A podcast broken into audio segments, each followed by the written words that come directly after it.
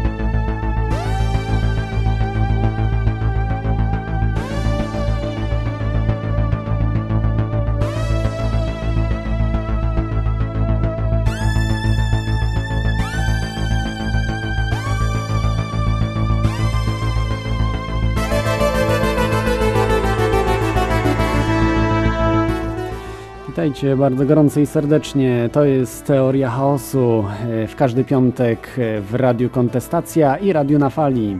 Audycja poświęcona teoriom spiskowym i rzeczom niewyjaśnionym. Dzisiejszy temat e, jest, no, mogę powiedzieć, o no, związany z Dzisiaj już Wigilia jest, 24 praktycznie, z 23 na 24 grudnia, czyli mamy dzisiaj Wigilię w tym momencie. E, zatem temat musi być troszkę powiązany, więc e, porozmawiamy dzisiaj o śladach obcych cywilizacji w Biblii, mm, reptilianach, e, jakichś innych stworach, Anunnaki, no wszystkiego, wszystkiego po trochu.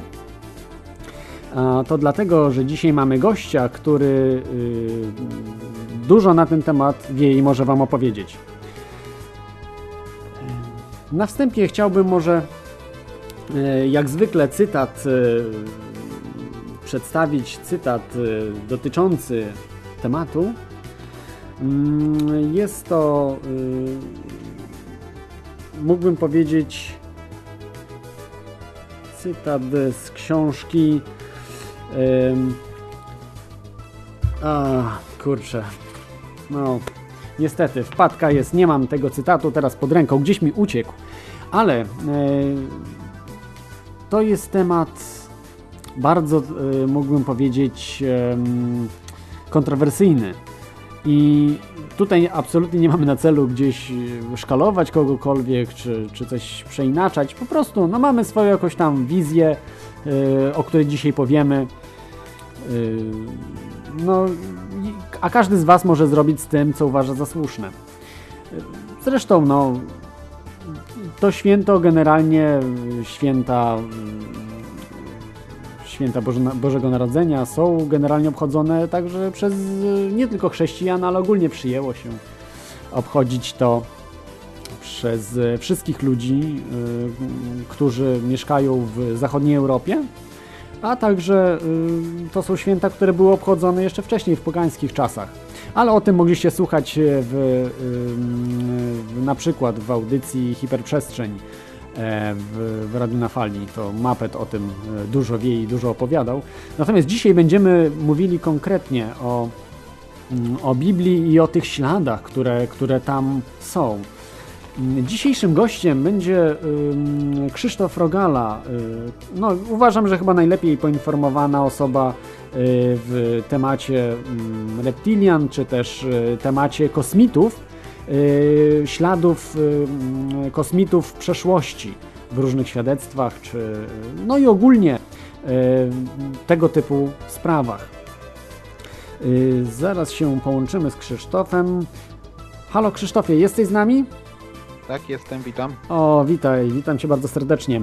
Y, Dzisiaj y, jest temat, no nie, nie o reptilianach dzisiaj porozmawiamy, ale ogólnie o śladach w Biblii, w starożytnej księdze można powiedzieć. I y, no chyba jesteś właśnie osobą najlepiej w Polsce poinformowaną na ten temat. Czy chciałbyś No. może o sobie opowiedzieć troszkę? Bo nie, nie wszyscy, wiesz, nadajemy po prostu teraz już audycja trochę nada, nadawana jest w wielu radiach i nie każdy może ciebie kojarzyć. E, Okej. y, Stworzyłem portal davidike.pl. E, Zajmujemy się tutaj propagowaniem e, teorii Davida Icka i generalnie próbą udowodnienia tego, czy ma rację, czy nie. Ten portal, można powiedzieć, nie zakładałem dla zabawy, tylko po prostu w, no, w dosyć, dosyć poważnym celu, aby sprawdzić i Wiadomo, że ten temat, temat y, jest dla wielu y, osób bardzo, bardzo śmieszny, jednak ostatnio postanowiliśmy, jak to się mówi, podnieść bardzo wysoko poziom, najwyżej jak tylko jesteśmy w stanie to zrobić z naszym tutaj powiedzmy skromnym doświadczeniem, aby ponad powiedzmy wszelką wątpliwość udowodnić i zacząć udowadniać, że y, David Icke ma rację, który jest oczywiście tutaj prekursorem, znaczy nie jest prekursorem pewnych teorii, tylko powiedzmy bardziej jest popularyzował, można powiedzieć.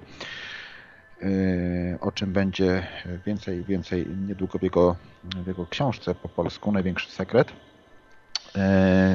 Teraz, ponieważ mamy, mieliśmy kontakt z osobą, inaczej, w Polsce praktycznie yy, w dziedzinie Biblii i w dziedzinie starożytnych istot powiedzmy starożytnych tekstów nie ma jakichkolwiek specjalistów, nie ma wykładowców, y, nie ma uczelni, które uczą tych języków, nie ma niczego, także jesteśmy zdani na y, zachodnie źródła.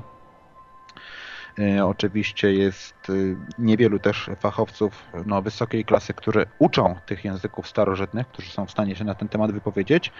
My dotarliśmy do praktycznie, y, mamy, mamy tutaj z nim kontakt, pomimo tego, że jest bardzo, bardzo zajętą osobą, y, z doktorem Mike'iem Heiserem, y, który wykłada aktualnie na, na Uniwersytecie w Madison w Wisconsin. No, oprócz tego jeszcze prowadzi cztery inne katedry, więc jest człowiekiem bardzo zajętym. No, można powiedzieć, że jest on y, specjalistą najwyższej klasy, jaka tylko, y, tylko mm, może być w tej chwili powiedzmy dostępna, która udostępnia swoje y, badania całkowicie za darmo.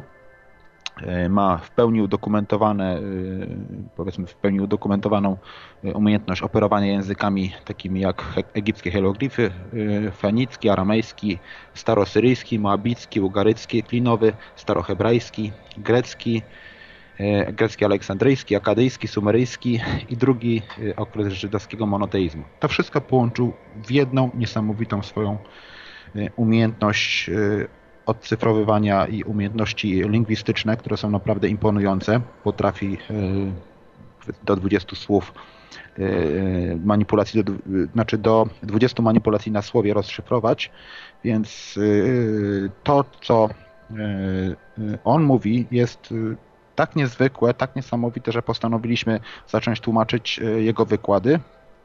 No, jeden wykład możecie już, już e, obejrzeć w sieci od jakiegoś czasu zakwestionowanie e, prac Zachary Sitchina, który do tej pory był takim powiedzmy największym, jak się okazało, pseudoekspertem w dziedzinie języków starożytnych.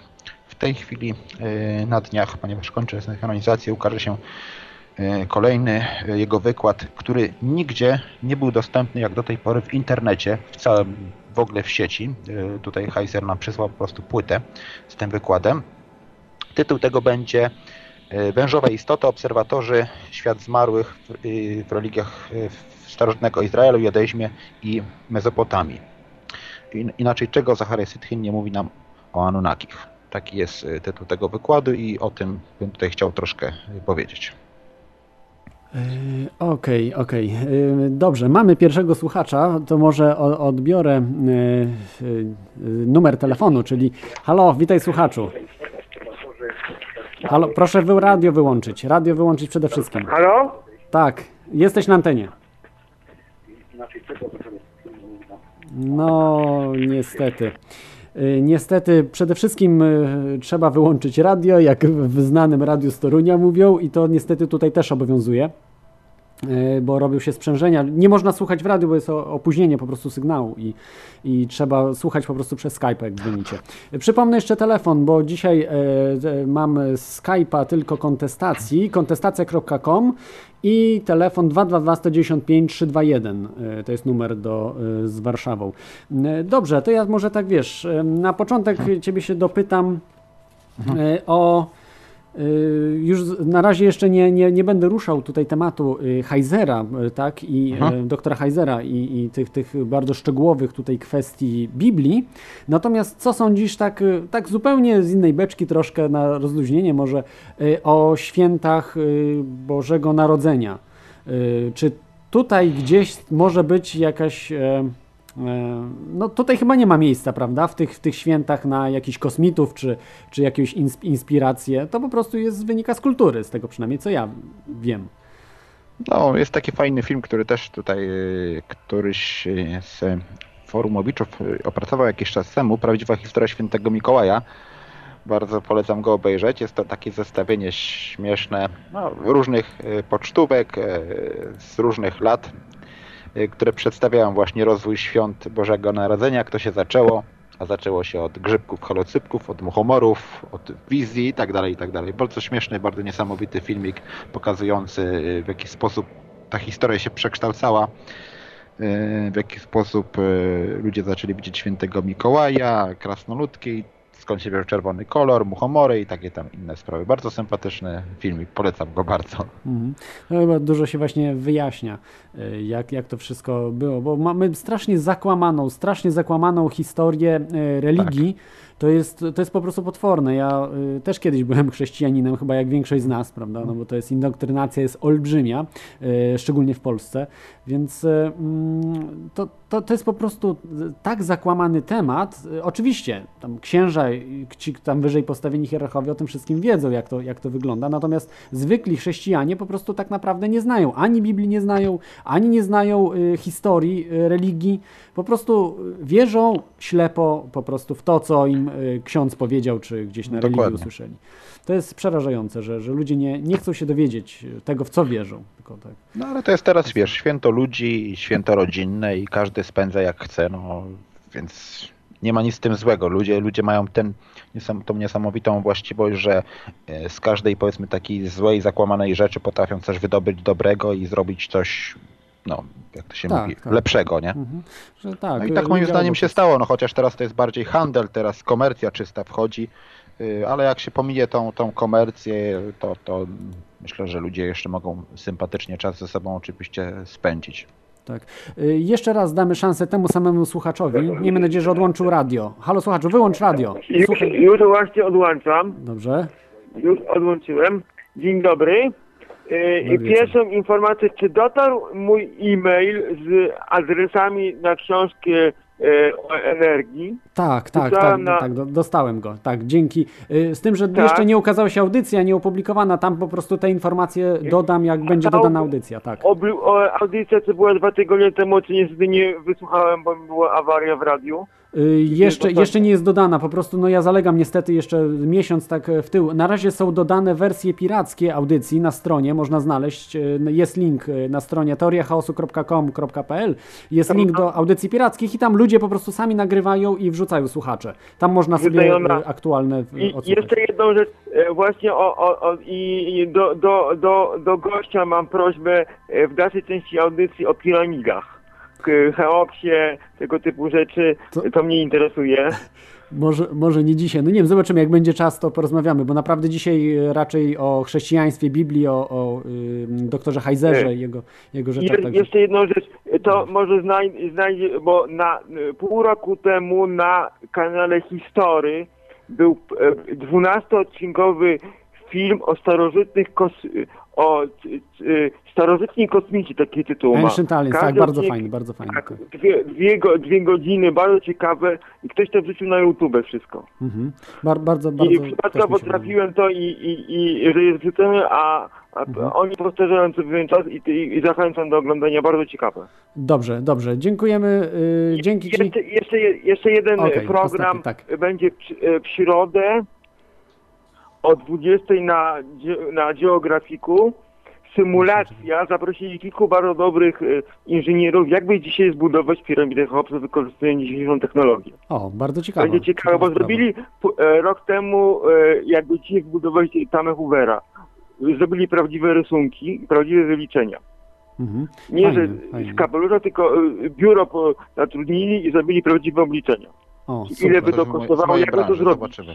Mhm, zobaczymy, jak, jak to tam I on przedstawił. cie- ciekawe, ciekawe rzeczy, a teraz na geografiku idą różne programy o Jezusie. O. Świętach, tego typu rzeczach. Mhm. Tak, ja, ja mam swoją teorię na ten temat, bo to jest raczej takie p- pro, mm, no nie będę tutaj mówił, bo będzie, że antysemityzm, że to, że tamto, ale, ale takie prożydowskie jest chyba dosyć National Geographic. e, z tego, co Ró- różne tematy, bo oni mają Mhm. tam chyba z 20 różnych odcinków na ten temat. To większość jest po- powtarzane, bo co roku jeden jest zawsze dodawany, jeden no, nowy Mhm. ten temat. Część nie oglądałem, część oglądałem, ale mówię, sygnalizuję. Dobrze. I życzę wszystkim we, wesołych świąt. Tak, wesołych świąt nawzajem. Nawzajem. I czekam, i, czekam, I czekam na audycję. I najlepiej by była kiedyś audycja o samych piramidach Cheopsa. Na, na 100% będzie, na 100% będzie, ale po Tak, prostu czekam tematów jest mnóstwo. Na 100% będzie i będzie na tydzień przed. nie ma żadnych nowych informacji. Mhm.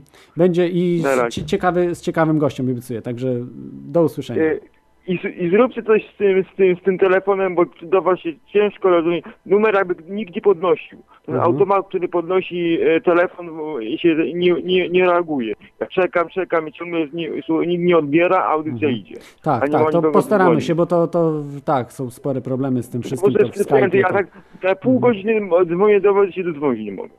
Dobrze, dobrze. Jeszcze raz, wszystkiego dobrego i do usłyszenia. Okej, dobrze, to był słuchacz, wierny słuchacz audycji yy, i yy, także o piramidach, no nie wiem, chyba raczej będzie ciężko, prawda, porozmawiać, bo to trzeba było też yy, no, przygotować się na ten temat i... i Tak, yy, osobny temat, osobny tak. temat zupełnie. Także przejdźmy może do tematu dzisiejszego, czyli no, w skrócie powiedzmy kosmici w, yy, w religii chrześcijańskiej, a tak naprawdę w Biblii, bo wiara chrześcijańska się na Biblii opiera.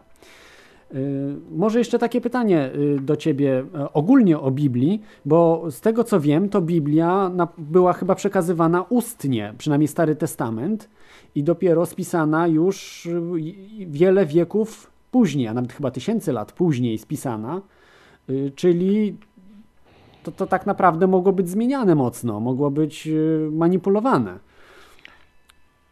Powiem może w ten sposób. Wracając jeszcze do tutaj powiedzmy y, poprzednich słuchaczy, aktualnie i też bym prosił y, o zwiększenie pewnych wymogów co do, co do niektórych y, ludzi, którzy zaczynają rozpowszechniać pewne informacje, niejako, jak to mówi David Icke, z czystego, cholernego powietrza. Po prostu biorą te informacje znikąd yy, i przekazują jako swoje, udając, że są źródłem informacji. Wprowadzając tym samym zamieszanie, co po jakichś ładnych paru latach okazuje się rzeczywiście ewidentnym, ewidentnym kłamstwem. Yy, My staramy się, znaczy my staramy się, yy, dopiero po zajęciu się powiedzmy materiałem doktora Heisera, patrząc w jak niesamowicie dokładny i precyzyjny sposób zagłębia się w temat, y, jak to wszystko jest zagmatwane, jak to wszystko jest skomplikowane, jak trzeba być niewiarygodną po prostu cierpliwość, dokładność i, i, i samo zaparcie, żeby z dokumentów starożytnych, z tych y, pism wydobyć i przetłumaczyć to naprawdę prawidłowo. Tu potrzeba ogromnej, ogromnej wiedzy. Tu, tu musi nastąpić koniec wszelkich, y, powiedzmy, niedomówień. Jeżeli ktoś wam mówi y, takie bzdury na przykład, że jaszczurów nie ma, coś w tym stylu, to się pytajcie, dlaczego, skąd to wie. Wymagajcie po prostu poziomu, ponieważ to, to y, takie sianie zamętu sieczką informacyjną po prostu musi się skończyć, bo inaczej nigdy do niczego nie dojdziemy. Ja już dawno stwierdziłem, że żeby tak jak jest na każdym w sumie filmie fantastycznym, żeby wyjaśnić przyczyny tego wszystkiego, co się dzieje, należy cofnąć się wstecz do samego źródła e, powstania całej historii tego problemu, jak to się stało, dlaczego to się stało i kto to zrobił. I tu się kończą spekulacje, tu wymagane jest, naprawdę, wymagane jest naprawdę niewiarygodnie precyzyjne podejście, uczci, podejście y, uczciwe i, i bardzo, bardzo sumienne. Tutaj wprowadzamy i będziemy się starać wprowadzać naprawdę najwyższy, no najwyższy poziom, na jakich stać. My jesteśmy jako jedynym, jedynymi w Polsce, co oczywiście dr Heiser docenił, którzy tłumaczą jego wykłady. Nikt w Europie tego nie robił z niewiadomych przyczyn. O to, co on mówi, jest naprawdę, naprawdę y, no, po prostu niezwykłe, tak y, słowem wstępu. I patrząc na pracę Heisera, to co on zrobił, uświadamiając nam poziom trudności w tłumaczeniu słów, że to wszystko są praktycznie, jak to się mówi, dziewicze tereny. To nie jest tak, że jest sobie jakiś człowiek ludzie, którzy rzekomo znają Biblię, prawda, którzy na, e, sypią cytatami z rękawa na każde, za przeproszeniem, otwarcie rozporka, czy, czy na e, każde wydarzenie w ich w życiu e, sypią cytat, cytatami, to nie ma nic wspólnego ze, ze znajomością Biblii, która została w jakiś tam sposób przetłumaczona. Jest to czysta, jak to się mówi, z całą pewnością mamy powiedzieć fikcja. E, poziom trudności, poziom zagmatwania niektórych rzeczy jest po prostu no, niebywały wręcz. Y, tego się nie da. Y, będę tutaj podawał oczywiście w międzyczasie y, przykłady. Resztę zobaczycie oczywiście w wykładzie wideo, który jest no, jak na Heisera to zaledwie wstępem do tego, co on potrafi robić na wykładach. Stosuje tak zwane paralele, czyli porównania. I to nie jest tak, że kiedyś powiedzmy Biblia powstała w jakimś języku. Nie, są to, jest to pewne wydarzenie historyczne w pewnym okresie czasu, gdzieś na świecie, w Bliskim Wschodzie, w innych rejonach, jak się okazuje na całym świecie, y, nastąpiło i było opisywane przez y, różne kultury. I jak się okazuje, te same zwroty możemy znaleźć, y, co się udało nam w jednym przypadku, w Afryce, o dziwo. Identyczne zdanie jest na przykład w Biblii, co jest u legend, jakie jest na przykład w legendach Zulusów. Podobnie Enuma Elish, Adrahasis, czy swoje Skumran, czy na przykład e, inne e, jak swoje znak Hamadi. One stosując pewne paralele możemy zacząć e, prawidłowo zestawiać słowa i tłumaczyć to na nowo prawidłowo. Także jest to robota niezwykle trudna i jest to takie, powiedzmy, składanie historii y, z różnych kawałków do kupy. Tak to można y, y, określić. I jest to niebywałe wyzwanie i jeżeli obejrzycie ten wykład, przekonacie się, że poziom trudności jest niewiarygodny, ponieważ jedno słowo w hebrajskim, jedno słowo tylko, które dotyczy podstaw tego, co jest w Biblii, które zostało przetłumaczone nieprawidłowo jako wąż, może być jednocześnie rzeczownikiem, czasownikiem i przymiotnikiem. Więc w jaki sposób to przetłumaczyć, żeby to było prawidłowe, prawda? No tak, jest, nie, nie, nie jest to prosta sprawa, bo szczególnie yy, tak jak w tych starszych językach, tak jak właśnie o, o czym powiedziałeś, to nie jest, yy, nie można, zresztą nawet z angielskiego na polski nie jest czasem łatwo, bo chociażby są takie osoby jak yy, po, po, polsku możemy rozróżnić, y, prawda, osobę, y, która mówi w pierwszej osobie, prawda, że ja. Tak, tak. Y, po, po odmianach. Natomiast w angielskim nie można tego zrobić, więc tak. jeżeli gdzieś jest w opisie, to nie jest takie proste. I tak samo, a w, tak. tych starszych językach jeszcze więcej jest tych wszystkich różnych tak. y, udziwnień, który, których ciężko, ciężko przełożyć po prostu. Tak, tam są gry słów, tam są homonimy, tam są na przykład z, z rzeczy takie jak hapax logomena, czyli słowa, które występują tylko jeden raz.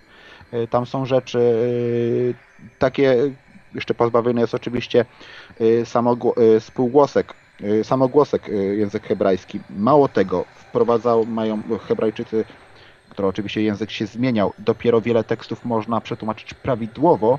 Ci starożytni tłumacze nie byli w stanie po prostu tego, tego zrobić, ponieważ dopiero teraz, kiedy odkryliśmy kulturę ugarycką, język ugarycki, który jest najbardziej zbliżony do, do, do hebrajskiego, dzięki y, tak zwanym paralelom jesteśmy w stanie zobaczyć, jak pewne słowa były tłumaczone i przetłumaczyć je rzeczywiście prawidłowo. Także dopiero dzięki współczesnym wykopaliskom możemy wiele rzeczy sprawdzić, y, jak, jak y, powinny być po prostu, po prostu złożone do kupy. Mało tego, największe wprowadzenie, największe zamieszanie zrobili Grecy. starożytni Grecy, jak to mówi Asterix, i- i Obelix, ale głupi ci Grecy. No tak dosłownie było, ponieważ nie, nie posiadali, yy, no, Grecy nie, nie umieli wymawiać dwudźwięcznych spółgłosek yy, hebrajskich, prawda? Potem podam przykład.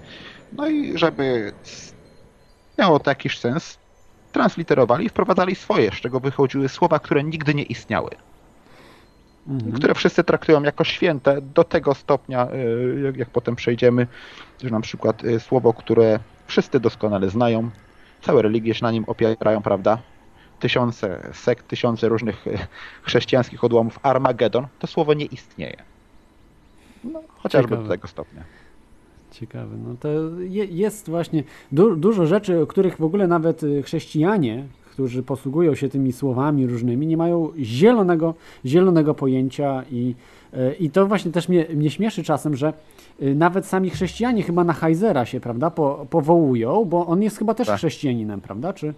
Znaczy on jest z tak zwanego kościoła chrześcijańskiego, jakoś tam wyzwolonego, znaczy to jest, wiesz, jego prywatna sprawa, on Tak, sam tak, tak. mówi, Mhm. gdzie chodzi, to jest ich jakaś tam wiara wideowa, ale sam podchodzi do, do tematu, który jest, dotyczy Biblii, żeby zrobić to najlepiej jak tylko potrafi, przekazać i przetłumaczyć to tak, jak było naprawdę, tak jak wynika z jego wiedzy, a nie tak, jak wynika z jego wiary. Aha. Ale to jest, to To jest jest najważniejsze. niesamowite, niesamowite, co przecież to, to jak się czyta Heisera, nie, bo niektórzy właśnie chrześcijanie powołują się na niego, ale to co, ale tylko na to, co im wygodne jest. Natomiast Dokładnie. Heiser idzie dalej i o takich rzeczach opowiada, że Sitchin chyba by się bał.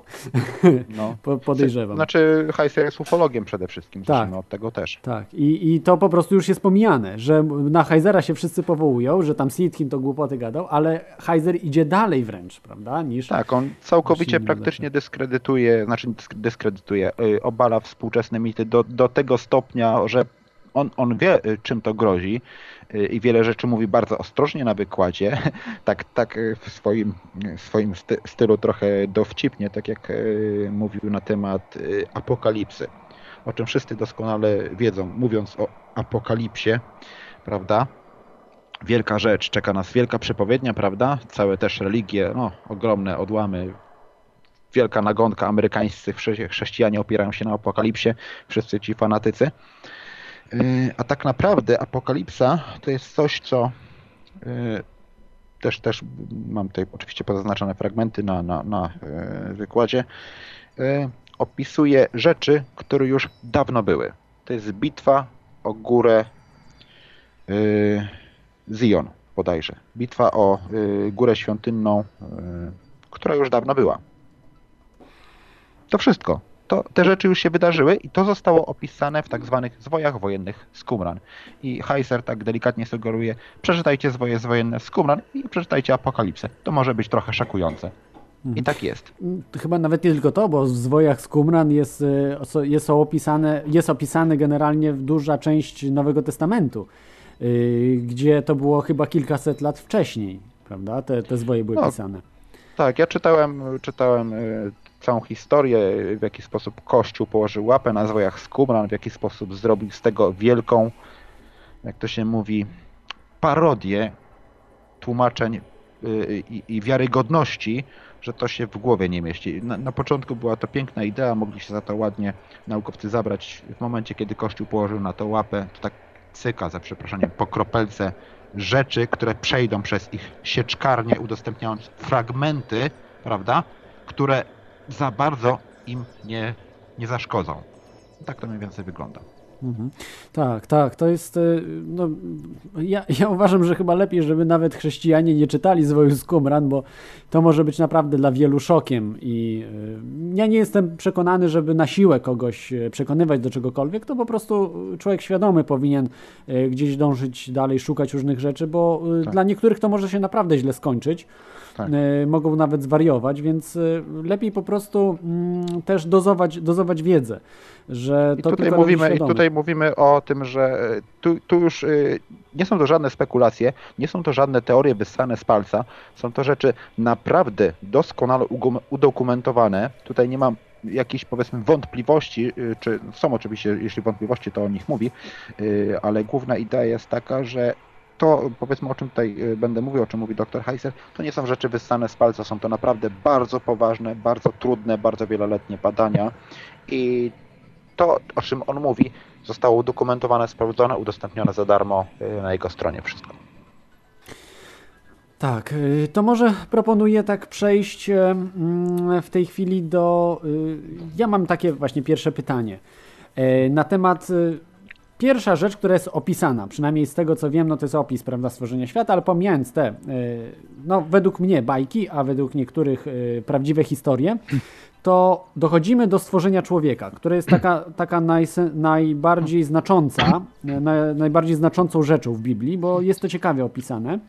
I czy ten opis właśnie stworzenia Adama i Ewy, prawda, że Ewa jest z żebra Adama stworzona, że Adam jest stworzony na podobieństwo Boga, że yy, no, jest to tak jakby historia trochę przypominająca to, co pisał Sitchin, że yy, to jest tak jakby ma manipulacja genami, i, czy, czyli manipulacja DNA, prawda? Trochę, trochę to przypomina jednak w ten sposób robienie i czy, czy nie jest to y, prawda według, według Heisera na przykład, czy według Twojej wiedzy?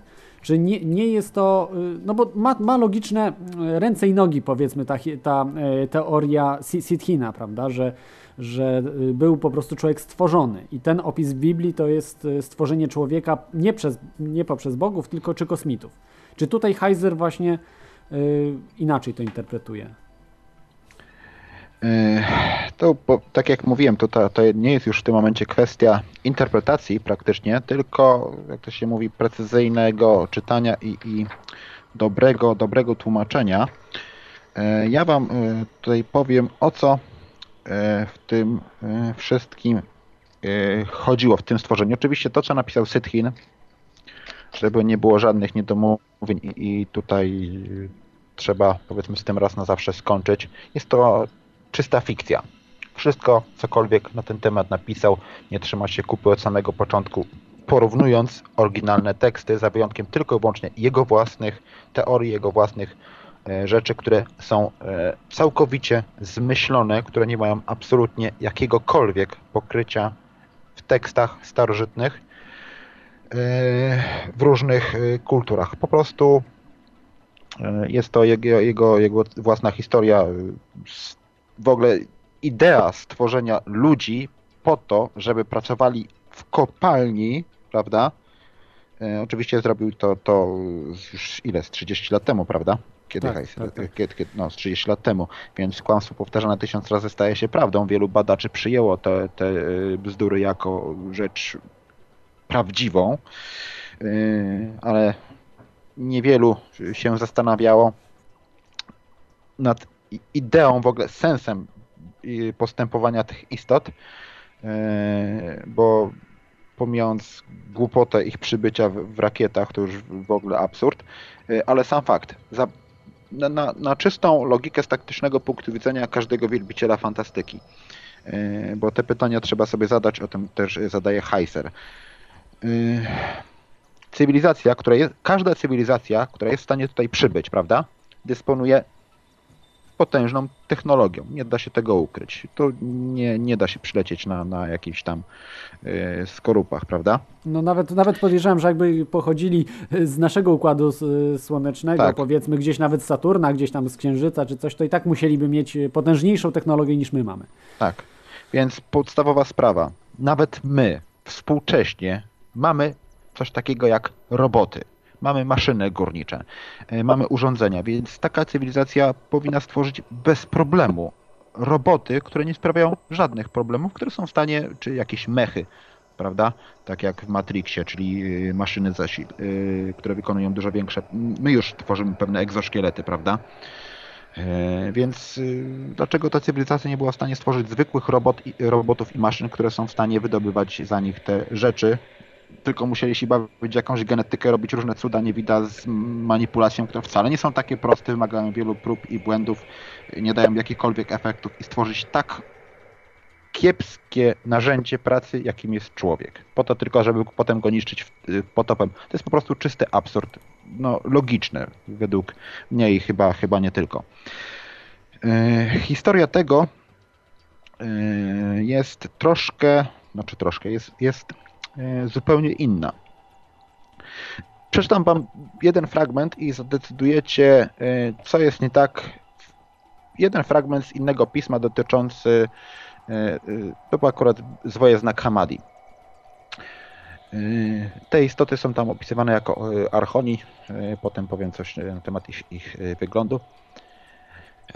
Archoni przyszli do Adama, kiedy zobaczyli, jak Ewa z nimi rozmawia, powiedzieli do siebie: Co to za stworzenie, ta świetlista kobieta? Posłuchajcie, pochmyślmy ją i wprowadźmy w nią nasze nasienie, tak aby stała się skalana, skalana i niezdolna do osiągnięcia, do sięgnięcia do swojego wewnętrznego światła.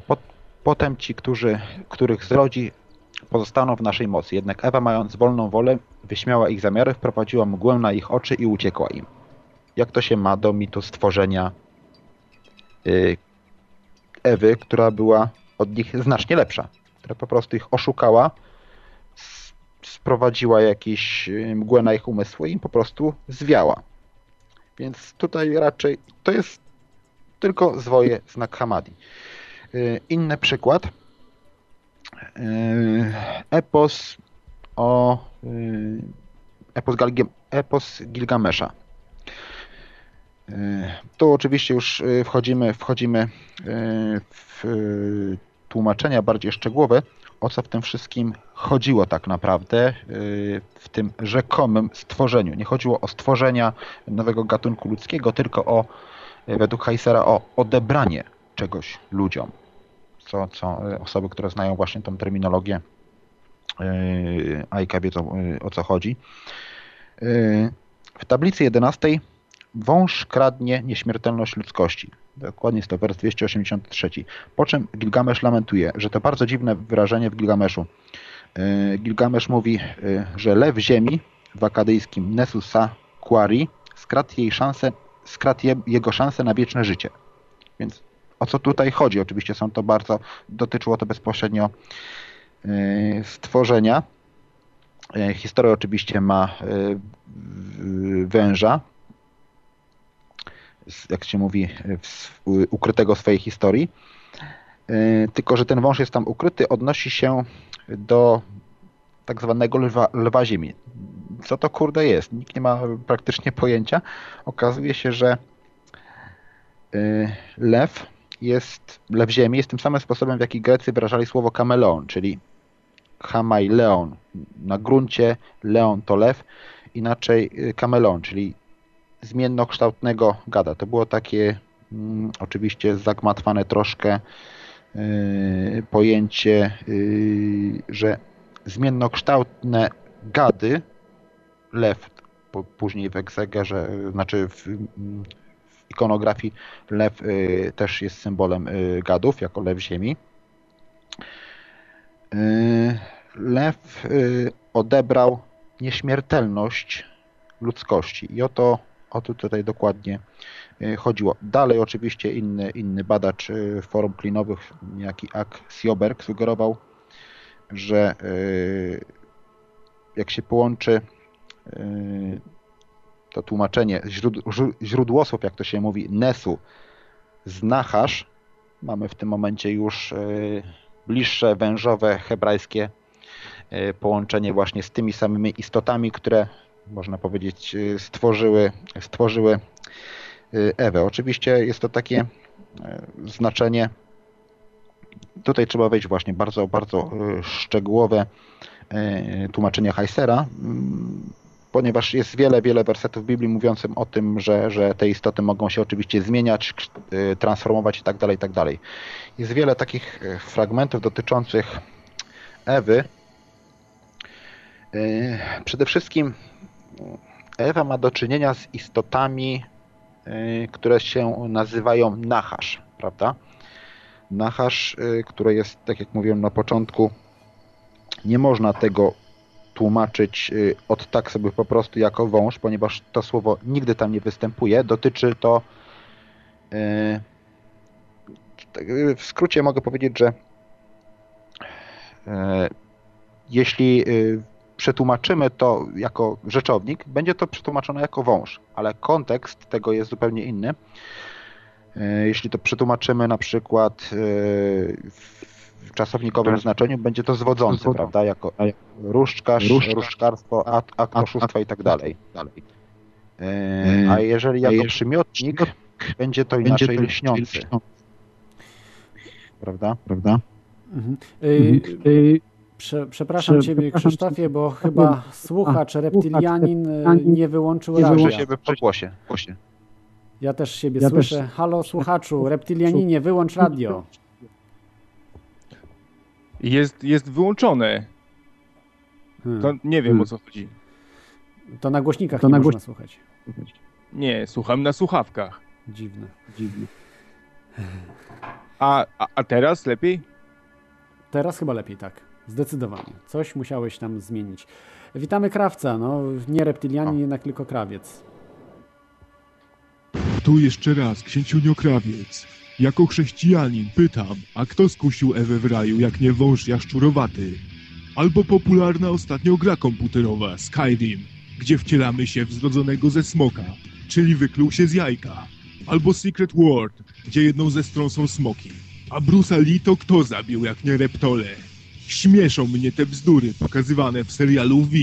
Dobry reptilianin. Ja nie ufam niczemu, co wykluło się z jajka i ma łuski. Dla mnie gadzina to gadzina. Żadnej nie podaruję. I pytanie do gościa. Jakie są ich słabe punkty? Przechodzę na odbiór. Dobrze, to chyba był żart, tak, krawcze? Aha, przeszedł na odbiór, tak, nie ma go niestety. Puścił jingla Dobra. i się zmył. Dobrze, to wracamy w do takim tematu. jeszcze, tak, jeszcze wracając do tematu y, Ewy, bo jest to, jest to naprawdę, y, nie jest to y, prosty, prosty wykład, trzeba się naprawdę niego, w niego słuchać. Ale można powiedzieć, że gdzieś do pierwszego wieku naszej ery wydarzenia w Genesis były niepowiązane przez, Żyd przez żydowskich pisarzy. Właściwie wielu pisarzy widziało Genesis 6, a nie 3 jako opis wystąpienia y, zła wstąpienia w zła y, w człowieka, prawda? Y, Nie było wtedy idei upadku. Oczywiście, jeśli zna, zna się te, Stary Testament, jest to, myślę, że dosyć takie niegodne stwierdzić, że, że ponosimy za to, powiedzmy, jak to się można powiedzieć, moralną, moralną winę, ale ten pomysł praktycznie wziął się tylko i wyłącznie, y, rozwinął się w żydowskich kręgach, prawda? E, Bo tutaj chodzi praktycznie o radzenie sobie z utratą nieśmiertelności, e, co jest raczej przeciwieństwem, przeciwieństwem winy, prawda? E, Można powiedzieć w skrócie, zaraz przeczytam Wam fragment, e, jak, e, jak to było, prawda? Żeby wam przypomnieć tą tutaj y, historię. Y, Lśniący, bo tak, tak powinniśmy nazywać y, tą istotę. Jak się mówi, był najsprytniejszy ze wszystkich dzikich bestii, które Pan Bóg uczynił. Powiedział do kobiety, no, czy Bóg naprawdę powiedział, nie będziesz spożywać żadnego drzewa w ogrodzie. Kobieta powiedziała Nachaszowi, możemy jeść owoce z innych drzew z ogrodu, chodzi tylko o owoce z drzewa pośrodku ogrodu, w którym Bóg powiedział, nie możecie z niego jeść lub dotykać, inaczej umrzecie. Dobra? Co jest dosyć no, no, ironiczne, ponieważ nigdzie indziej w Starym Testamencie yy, nie jest o tym mowa. Bóg chce, żeby ludzkość miała wieczne życie, ale tutaj wyraźnie no, nie chce tego. I tam, żeby inna robiła pewne rzeczy. Yy, Nachasz powiedział do kobiety, nie umrzesz, ale Bóg wie, że jak tylko zjesz, otworzą ci się oczy i będziesz jak boskie istoty, które znają dobro i zło. Yy, Dobre i złe i Pan Bóg powiedział do kobiety, co uczyniłaś po tym, jak to zjadła? Odpowiedziała Panu Nachasz, zwiódł mnie i zjadłam. Wtedy Pan Bóg powiedział do Nachasz, ponieważ zrobiłeś, to będziesz bardziej przeklęty niż całe bydło i takie tam dzikie bestie i tak dalej. I oczywiście umieścił wrogość y, pomiędzy nią y, i tam było jeszcze, jeszcze oczywiście tekst o piętach i tak dalej. I o pozbawieniu Yy, nóg chyba. Nóg, y, znaczy, tak, tak. Co jest o, oczywiście też, też tak, przenośnią całkowicie, ponieważ nie tłumaczy się tego jako wąż, tylko boska, lśniąca istota. Do, dokładnie lśniący. Nie będę tutaj wchodził powiedzmy w szczegóły dalsze, jak to się tłumaczy, yy, ale nie ma żadnych wskazań, zwierzęta miały darmowe wywiadenie. No i oczywiście nie, nie jest jakoś specjalnie tym Ewa zaskoczona, że Nachasz do niej przemówił. Prawda? No i zdaję sobie sprawę, że jakieś dziwne zwierzę, które było wtedy, już go nie ma, które ma nogi, stoi wyprostowane i mówi. No i zwierzęta wtedy mogły mówić? No raczej chyba nie, prawda? Tekst y, nigdy nie mówi o, y, tego. Są dwa potem tam takie równoległe ustępy, y, które mówią y, o upadku w ogrodzie Edenu i oczywiście wymagają, by Nachasz był widziany jako boska istota, a nie wąż i tak dalej. Y, No, jest dalej tłumaczenie, y, będę pomijał już, już y, te fakty, że y, mm, jak to można powiedzieć, dochodzi do tego, y, tu jeszcze są inne, inne teksty. Okej, dobra. Y, Wracając, cofając się jeszcze tutaj do, do innych spraw. Niektórzy twierdzą oczywiście, że ten wąż miał imię, co nie pojawia się nigdzie w żadnych, w żadnych tekstach biblijnych, ponieważ to w księgę, księdze Enocha, że nazywał się on rzekomo y, Azazel, prawda? A co ciekawe, oczywiście w innych tekstach y, występuje zupełnie, zupełnie inne imię i dotyczyło troszkę, troszkę innych spraw. Y, Prawdę mówiąc, na sam pomysł, y, że dotyczyło to y, aktów, powiedzmy, seksualnych, czy coś w tym stylu, mm, innych tam y, spraw, wpadli oczywiście, je- jeśli chodzi o upadek Ewy, prawda, to dyskredytację kobiety, wpadli raczej późniejsi rabini, wiadomo, no, jest ona w idealnym środowisku, bez grzechu, ponosi klęskę, popełnia błąd, tak, tak, tak dalej. Jedynym oczywiście y, wprowadzają tam wiele, wiele różnych, róż, wiele różnych dosyć ciekawych idei, żeby wyszło na to, że jest temu winna Ewa, tak dalej, grzech pierworodny, cała idea, która ma, nie, ma, nie ma nic wspólnego z pierwotną koncepcją, ponieważ pierwotnym założeniem było to, że y, ludzkość coś straciła. Straciła nieśmiertelność, straciła swoje uzdolnienia, straciła swoje, można powiedzieć, możliwości. Y, I generalnie z całych teorii Heisera, y, y, skracając tutaj to, co chciałem powiedzieć, wynika, że nie był to grzech, powiedzmy, ludzi, prawda?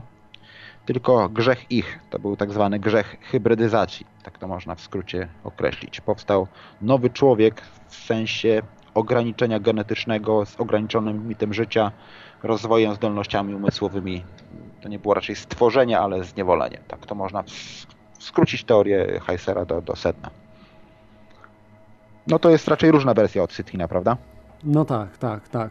To jest e, zde- zdecydowanie inna wersja, mm, ale czy bardziej prawdziwa? No, Zdecydowanie, bo to jest No, zapisane. to znaczy To prawdziwa, wynika- to ale czy tekstu. to, co w Biblii jest zapisane jest prawdą? Ja bym z tym troszkę polemizował, ale to zostawiam dla siebie. Znaczy, to nie jest kwestia Biblii, wiesz, to jest kwestia Mhm. po prostu tutaj, yy, bo nie, nie mówmy teraz o, nie mówimy teraz o Biblii, ponieważ to będzie też widoczne na planszach w wykładzie, tylko o y, tekstach napisanych, prawda, znalezionych, które zostały przyjęte do Biblii lub te, które nie zostały przyjęte, bo są niewygodne. No, no tak, ale to jednak teksty, to jednak e, dowody na to, prawda, że tak było, są jednak takie trochę śliskie, prawda, jeżeli są zapisane różne rzeczy, bo lu- ludziom mogło się też różne rzeczy wydawać, prawda. A, wiesz, dla mnie inaczej, trzeba, tr- trzeba e, przyjąć e, pewne założenia dotyczące e, starożytności.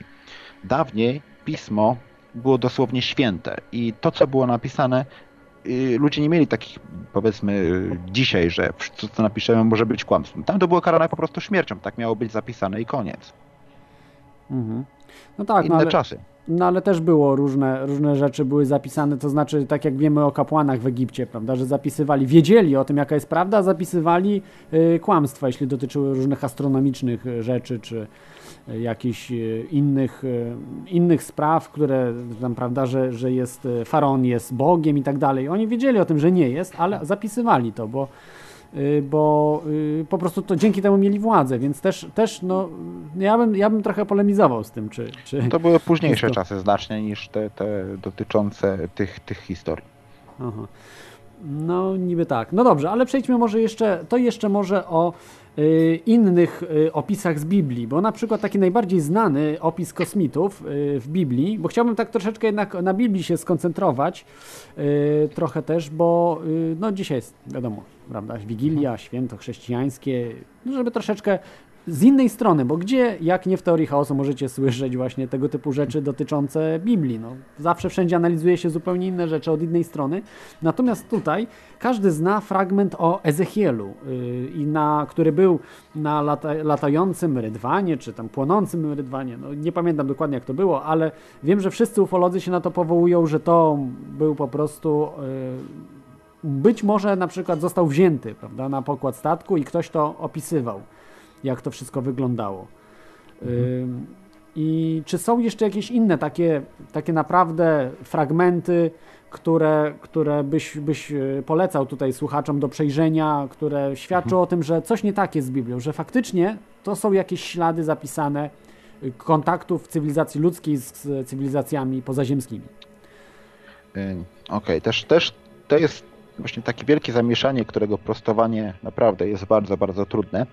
E, Heiser poświęcił temu jeden wykład, e, też go przetłumaczymy, na temat wizji Ezechiela. E, To, co się mówi na temat tego, że widział statek kosmiczny, to jest oczywiście wizja niejakiego Blumricha, inżyniera, który stworzył własną wizję statku, dosyć mówiąc szczerze dziwnego, raczej mało efektywnego co zresztą sam przyznał.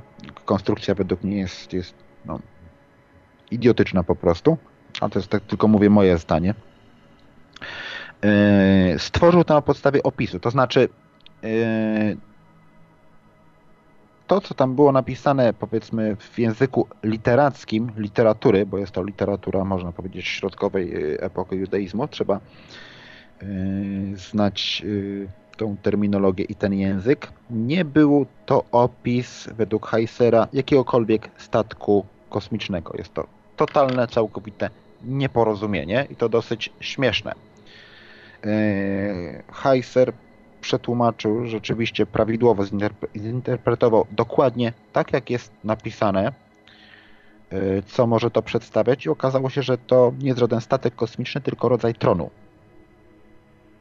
Po prostu rodzaj mebla, na którym siedziała jedna z istot y, tak zwanych leśniących, zwężowych istot. Nie ma to nic wspólnego ze statkiem kosmicznym. Kompletnie. No ale kosmitami jednak jest, ma, prawda? Tak, jakiś pośrednio, sposób. tylko że nie jest to opis i na to, do, do tego opisu y, swojego tłumaczenia nie ma, nie ma co do jakichkolwiek żadnych wątpliwości. Y, Potem jeszcze na forum y, interpretację tego to zobaczył. Jest to bardzo prosta konstrukcja, nie wymaga żadnych tam cudów specjalnych. Problem jest tylko z tym, kto na tym siedział. Y, Mamy telefon, y, mamy telefon od Bajtitera, y, który no, jest chyba biblistą, zna się na Biblii. Witaj Bajtiterze. Witam Cię, Klodzie, witam gościa i słuchaczy.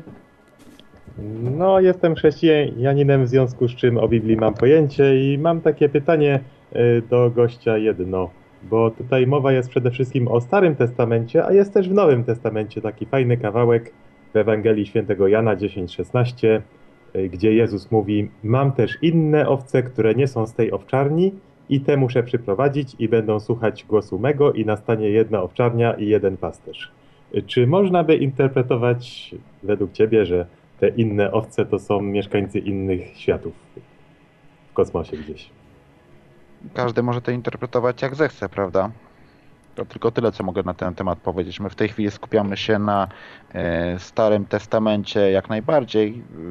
Y, Kwestię Nowego Testamentu na razie pozostawiamy całkowicie e, otwartą jeszcze do tego, powiedzmy, nie doszliśmy. Można to interpretować tak, jak każdy chce i nie widzę w tym, powiedzmy, nic złego, ale też nie widzę, że ma to e, inne kwestie. Trzeba najpierw udowodnić, jak to zostało y, przetłumaczone i jak to zostało powiedziane naprawdę, w jakim kontekście, bo kontekst jest bardzo ważny, ale trzeba też no, co tu dużo mówić. Otwartość umysłu jest w tym pewna zawarta, prawda? Ale czy interpretując to Tak. w ten sposób, też jest to prawdą, ale też mogło to dotyczyć na przykład innych kultur, prawda? Tak, Nie tak tylko. mi się właśnie wydaje, że tutaj był y, takim Jezus y, w tym znaczeniu był palikotem, bo nie wiem czy słyszeliście, tak troszeczkę tutaj wtrącę, że ostatnio palikot był za rządem światowym, zresztą on zawsze jest, był globalistą, e, natomiast ostatnio już y, w wywiadach publicznie twierdzi, że trzeba rząd w ogóle polski zlikwidować, w ogóle wszystko co polskie zlikwidować i wszystko przenieść do Brukseli, że ma być na razie, mówi, że jedno państwo europejskie, ale on chciałby właśnie mieć rząd światowy. Tu tak troszeczkę Chrystus tak mówi, prawda, że będzie jeden, jeden rząd światowy, ein Reich, ein, e, ein Reich, ein Volk, ein Euro, coś takiego, tak, no, po niemiecku. No tak, ale to mówi o świecie przyszłym, prawda, czyli po końcu świata. Ja nawet mam otwarte to w zakładce, jak Palikot to mówi, chociaż jeszcze nie oglądałem. Rzucę link tutaj na czacie, bo akurat mam pod ręką, to wrzucę. Y, I w związku z tym to o Nowym Testamencie będzie po starym, czyli pod koniec audycji, tak? Nie, w Nowym Testamencie będzie, kiedy do tego dojdziemy, przekopując się przez gigantyczną ilość materiałów i jego koszmarny sześciogodzinny wykład.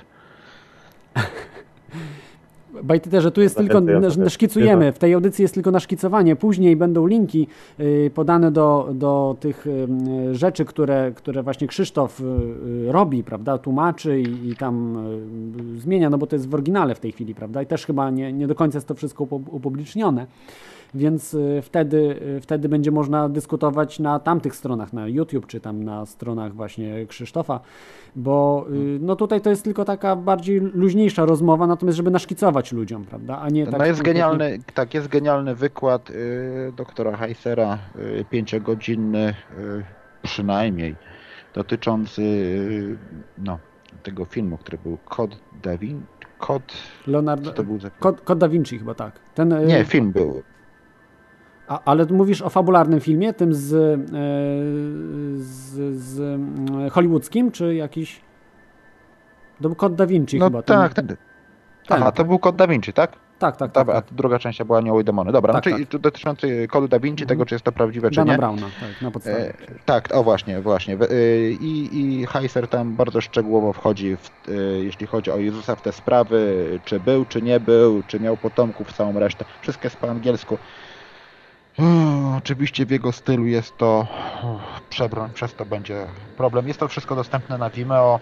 E, warto po prostu. Jest cała gigantyczna konferencja była przede wszystkim temu poświęcona tuż po filmie, prawda? Prowadzona przez Heisera i tam naprawdę wchodzi w niesamowite szczegóły, warto to obejrzeć. No ale mówię tylko i wyłącznie po angielsku.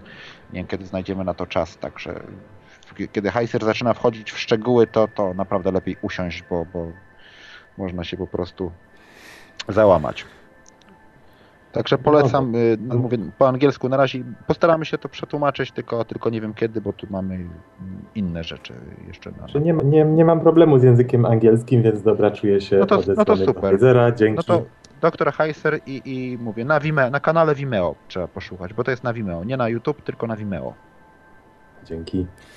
Dzięki, dzięki za telefon, y, Bajtiterze. Y, No dobrze, to y, jak już tu wytłumaczyliśmy y, sobie ten, że, że na Starym Testamencie operujemy, to mam tu takie pytanie o, o bo wydaje mi się, że to było nawet chyba trochę wcześniej, chociaż nie, nie sprawdziłem tego do końca, ale to w tych czasach, kiedy jeszcze na pewno Biblia nie była spisana, czasy jeszcze kiedy Żydzi byli w Egipcie, albo, albo już nie byli, kurczę, już, przepraszam, nie, nie znam się aż tak, ale y, faraon Echnaton, który był generalnie prekursorem dla chrześcijaństwa. Y, No tak, tak, tak, tak jest uważany, bo proponował, to znaczy nie wiem czy chrześcijaństwa, może bardziej dla, dla y, monoteistycznych religii, mm, że proponował jednego Boga, że tych wszystkich bogów, którzy Egipcjanie mieli, sprowadzić do jednego Boga. Niektórzy temat- twierdzą, że to był kosmita, ale to jakoś mało przekonujące są te, te dowody. Tu raczej chodziło tylko i wyłącznie, y, sądzę, o po prostu politykę, nic więcej, y, utrzymania państwa powiedzmy w jednym kawałku, bo różni bogowie, różne wpływy. Tu raczej bardziej o to chodziło, nie o to, że chciał jakiegoś jednego Boga. Żydzi mieli kompletnie inną koncepcję, zupełnie inną, która nie miała nic wspólnego z jedną i- ideą jednego Boga. Oni też z przyczyn, jak to się mówi, e, politycznych e, zrobili e, swoje, bo troszkę to było, po prostu troszkę to było u nich inaczej. W całej Biblii, mo- można powiedzieć, w Starym Testamencie jest tak zwana boska rada, prawda? Teraz nie będę tutaj wchodził w szczegóły. Praktycznie, y, oczywiście, wszyscy myślą, że, że Izraelici mieli, można powiedzieć, y, jednego Boga, Jahwe i tak dalej. Nieprawda. Kompletna, kompletna y, bzdura. Mieli wielu bogów. Między innymi jedno z imion Boga Izraela miało nazwę El. Tak? Był on też oczywiście mm, wezyrem, o, ina- inaczej, wezyrem Ela, jego- wiceregentem był oczywiście jeden z, y, z władców bogów, tak zwany Bal, prawda? Y, Oczywiście też był jeszcze y, Jahwe, to byli, uczestni- to byli bogowie, którzy uczestniczyli w tej, powiedzmy, Radzie Bogów, prawda? Na górze Zyjon bodajże. Eden też był oczywiście górą. Y, Nie będę się też tutaj wdawał w szczegóły tłumaczenia, bo będzie to po prostu na filmie. Y, Tym, co się stało w tej izraelskiej religii, w izraelskiej wersji Rady, że możemy mieć Jahwe i innego Boga oddzielnego od Jahwe i rządzącego kosmosem. Więc tym, co Izraelici zrobili, to było całkiem cwane, bo oni wprowadzili tak zwaną esencję. Prawda? Pewną bardzo ciekawą filozofię, która kompletnie, kompletnie nie ma nic wspólnego z chrześcijaństwem. Była to tylko wyłącznie y, żydowska myśl, żeby połączyć to wszystko y, w jedno i operowa- e, operowali czymś takim, że Jahwe nie ma powiedzmy nikogo konkurencyjnego z innymi bogami, ponieważ mamy Jahwe, jego esencję manifestującą się inaczej, tak? Więc większość imion, którymi wtedy posługiwano, na przykład Ashoret była żoną Jahwe, prawda? Y, Mówiono o tym, że y, o, ten ma esencję Jahwe i tak dalej, i tak dalej, nie? Tak zwany powstał, jak to się mówi, y, potem to są podstawy już takiej żydowskiej myśli, podstawy trynitaryzmu i tak dalej. To jest oczywiście już, już żydowskie, na przykład Moloch, Adonai, anioł Pana, są oczywiście cytaty, ten anioł jest inny niż wszystkie, ponieważ mo, mo, moje imię jest z nim, moja esencja jest z nim i tak dalej, i tak dalej. Y, Ale jest pewne i całkowicie y, udokumentowane, że był jeszcze El, że był oczywiście potem jeszcze inny Nachasz, y, inny lśniący.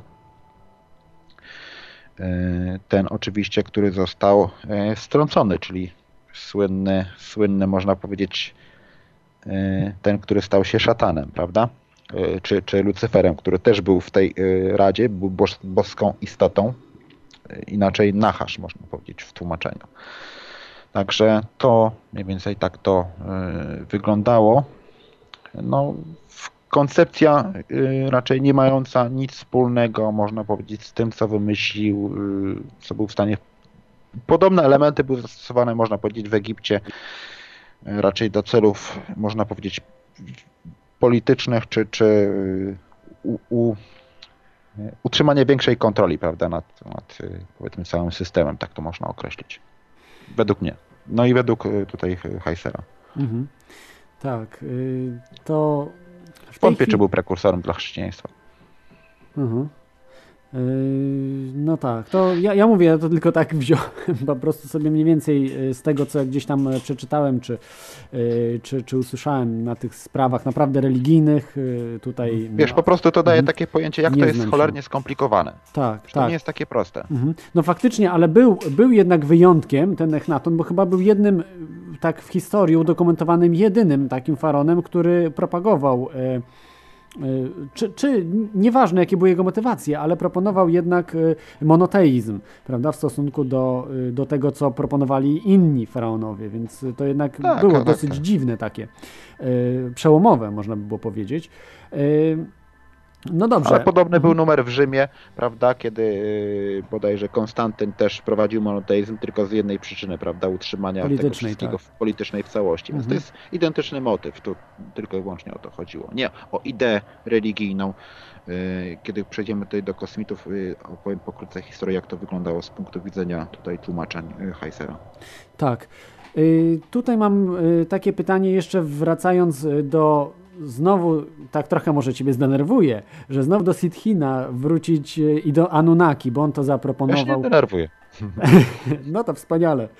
Y, Niektórzy, y, niektórzy właśnie ludzie się denerwują na tego typu tam rzeczy, ale, ale słyszę, że, że jesteś. Nie pierwszy raz chyba ci ktoś zadał właśnie to pytanie. Jak to jest właśnie, jeśli ra, jeszcze raz można by było to odnieść do Biblii? Czy w ogóle Anunnaki mają swój ślad w Biblii? Bo Anunnaki to jednak byli, prawda? Bogowie opisywani przez Sumer, to nie wymyślił Sitchin, tylko po prostu przeinaczył, tak? Jeśli dobrze pamiętam.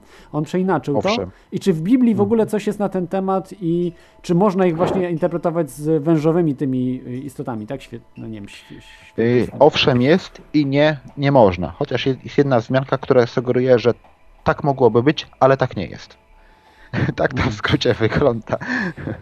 Yy, Dobrze, yy, a teraz yy, mogę przejść do, do, do sedna, jeśli chodzi o samych Anunnaki, bo do, dokładnie jest, jest tutaj o nim mowa, też się oczywiście na tym skupię, będzie to szczegółowo wykładzie. Jest wpis dotyczący oczywiście Anunnaki, jak to się tłumaczy, bo mm, opisów tych istot, ich określeń jest naprawdę troszkę jest w tej Biblii, więc skupimy się, mówiąc konkretnie Anunnaki, mamy na myśli tylko i wyłącznie y, słowo Anunnaki, prawda? I nie łączmy z tego z niczym innym, dobra?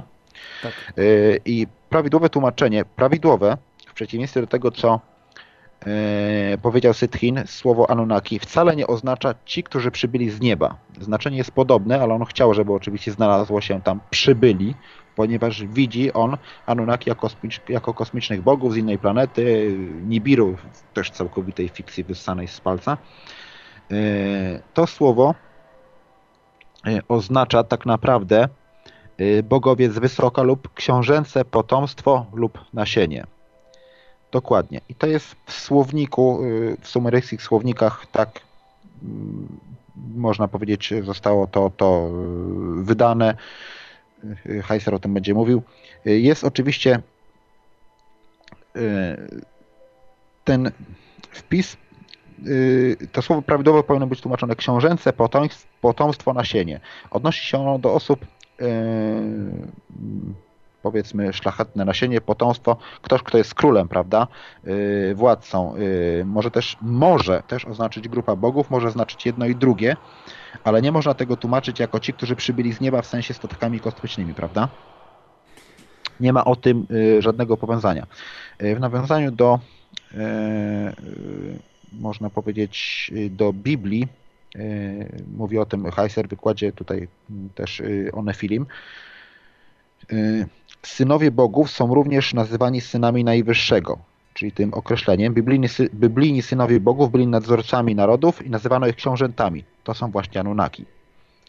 W swoim wyższym stanie Anunnaki działali jako sędziowie, orzekali los, yy, jak zapisano w yy, Atrahasis, dyktowali przeznaczenie. Anunnaki więc są boskimi sędziami. Podobnie napisane jest w psalmie 82, gdzie synowie bogów byli krytykowani za bycie niesprawiedliwymi sędziami. Ta sama rola, więc istnieje tutaj powiązanie. Yy, Oczywiście dalej jeszcze w babilońskim starożytnym tekście Atrahasis wszyscy bogowie boskiej rady są opisywani jako synowie Anu, prawda? Synowie Anu, czyli yy, Anunnaki. Anu był wysokim bogiem, istnieją tutaj za, zatem synowie wysokiego boga, synowie najwyższego, zatem też tutaj widać ten związek pomiędzy biblijnymi synami boga i Anunnaki. Yy, Na marginesie, skoro Anunnaki są synami Anu, wysokiego boga, są całkowicie bosscy w religii Mezopotamii i nie są żadnymi hybrydami, ani gigantami. No i nie wiadomo, czy dlaczego Sitchin yy, tutaj to przetłumaczy. To jest w ogóle wielka, wielka yy, plątanina, po prostu on chciał takiego cytatu, a nie nic innego. To są po prostu sędziowie, najprawdopodobniej ludzcy i nie ma to kompletnie nic wspólnego z yy, jak to można powiedzieć, z kosmitami. To jest dokładne tłumaczenie słowa Anunnaki. Mhm. Tak. Yy, To czyli była, do- mhm. szefowie, po prostu szefowie pozostałych, y, nadzorcy, y, ale ziemscy, synowie kogoś wyższego, można powiedzieć, rangą.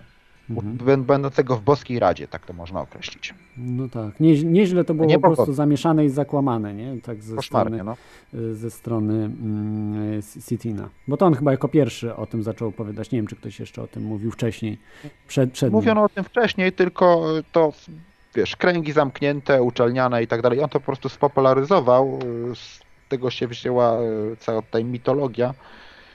Ale tak naprawdę Sitchin okradł wszystkich y, z tego, co jest najważniejsze, y, co dotyczyło y, Anunnaki y, i, i po prostu okradł ludzi z kompletnego obrazu tego, jak, jak to się cało, całość się odbyła, jacy byli ci bogowie, jaki mieli kształt, jaki mieli wygląd i oczywiście Sitchin sobie zdawał z tego sprawę, co zrobił, jak najbardziej, był tego świadom.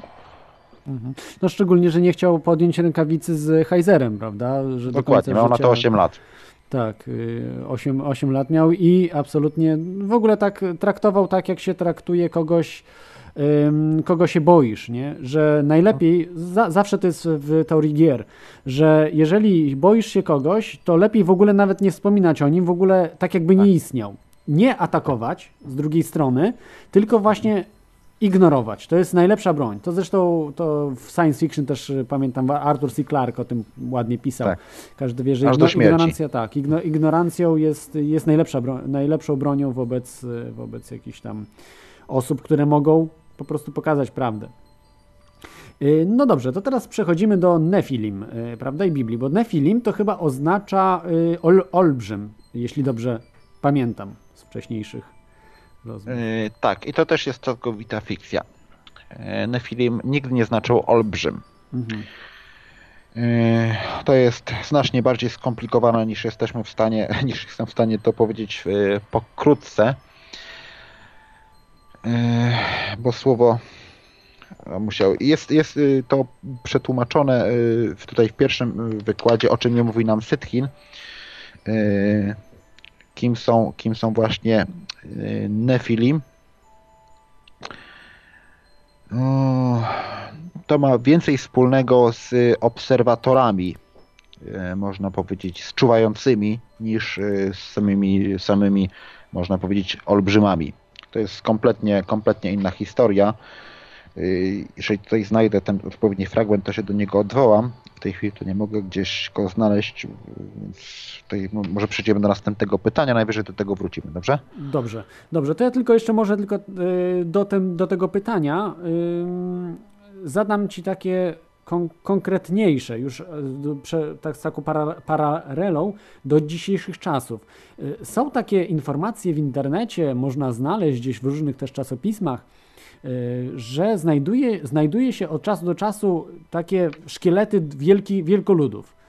Y, Czy według Ciebie w ogóle jakikolwiek y, taki znaleziony szkielet ma y, podstawy w realne, czyli w ogóle czy miało coś takiego miejsce?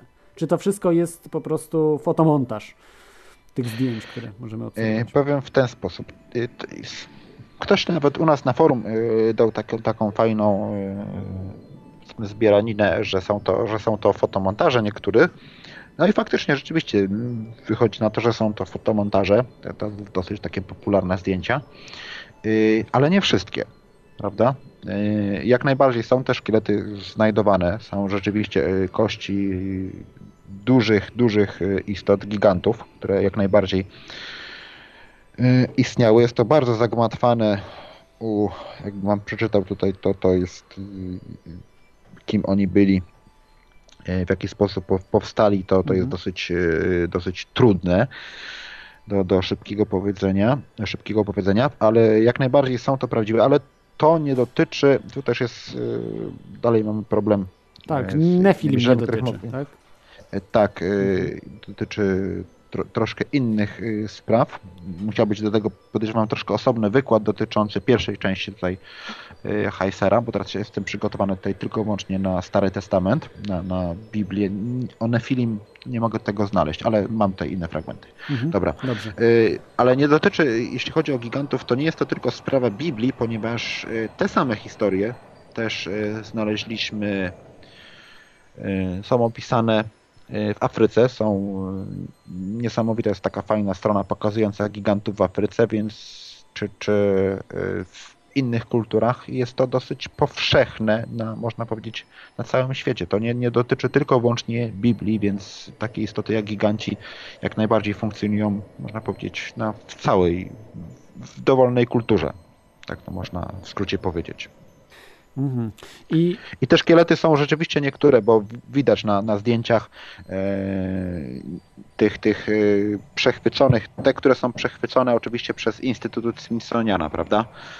W Stanach które- Zjednoczonych, tak? Oni właśnie wszystko chyba wojsko amerykańskie, tak? Wszystko wywozi z tego, co... z- No ten co Instytut. Smithsoniana zajmuje się właśnie fałszowaniem tych, e, tych znalezisk, znaczy można powiedzieć zatajaniem, ale są to znaleziska rzeczywiście o- okro, okropna funkcja, to jest po prostu, to jest to, co faszyści robili, czy, nie, ja, czy talibowie co robią. Y, Fałszowanie historii y, ziemi dla jakichś zysków, to jest coś, na- coś okropnego po prostu, to jest, to jest y, gorzej niż bogojczyźniane, nie jakieś piosenki. To jest coś najgorszego.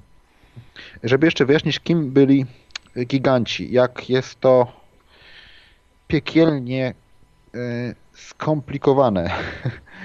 Domyślam się. E, hmm. W całej tutaj e, trzeba obejrzeć, mówię do tego wykład, zajęło nam naprawdę sporo tutaj czasu przetłumaczenie tego. To spróbuję jeszcze, mówię, bardziej tutaj zamieszać. E, Giganci byli zrodzeni ze związku ciała i ducha. E, Oczywiście e, będą zwane złymi duchami, ponieważ ich miejsce bytu będzie na ziemi i wewnątrz ziemi, tak jest napisane. Inaczej, o, dobra.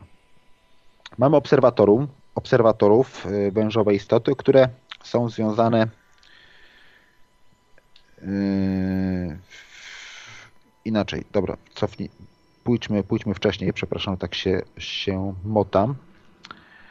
Yy, Mówimy o tym oczywiście, że obserwatorzy obserwato- obserwowali, znaczy przyglądali się córką yy, ludzkim i tak dalej. Z tego związku powstały właśnie giganci, prawda?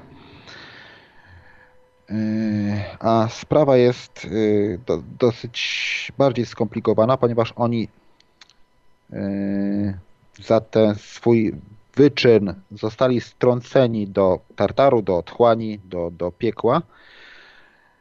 Yy, I okazuje się, że nie wszyscy. To tak to mniej więcej yy, wygląda, że mamy obserwatorów uwięzionych w, w otchłani, mamy duchy obserwatorów, które są wciąż wolne, by chodzić po ziemi, tak jest napisane w Biblii, i te duchy mogą zmieniać formę. Mamy gigantów spłodzonych przez duchy obserwatorów, najwyraźniej odnoszące się do oryginalnych sprawców z Genesis, którzy zostali uwięzieni i mamy y, tych samych gigantów zwanych obserwatorami lub złymi duchami y, i wtedy mamy ich na ziemi oraz w ziemi. To jest po prostu już dowcip, jak tutaj jest to zamieszane, bo wychodzi na to, że część z tych y, istot została ukarana, strącona i jednocześnie nadal się poruszała. Została tam niby zamknięta na wieczność, a jednocześnie nadal tu byli, więc jest totalne, totalne pomieszanie. Y, W mitologii y, egipskiej, znaczy w mitologii hebrajskiej y, mówi się, że kiedy za, mm, został zabity gigant, prawda, jeden z gigantów, jego duch był w połowie obserwatorem, a w połowie forma gigantyczna, forma giganta ludzka umierała.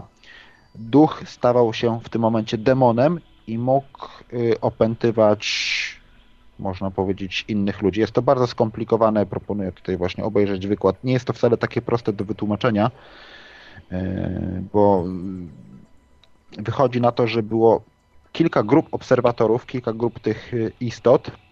Część została uwięziona, a część nadal mogła chodzić po ziemi i do tego jeszcze zabicie takiego giganta stwarzało jeszcze więcej problemów niż jego pozwolenie mu, żeby żyć. To, to nie jest wcale takie proste do, do określenia, kim oni byli tak naprawdę.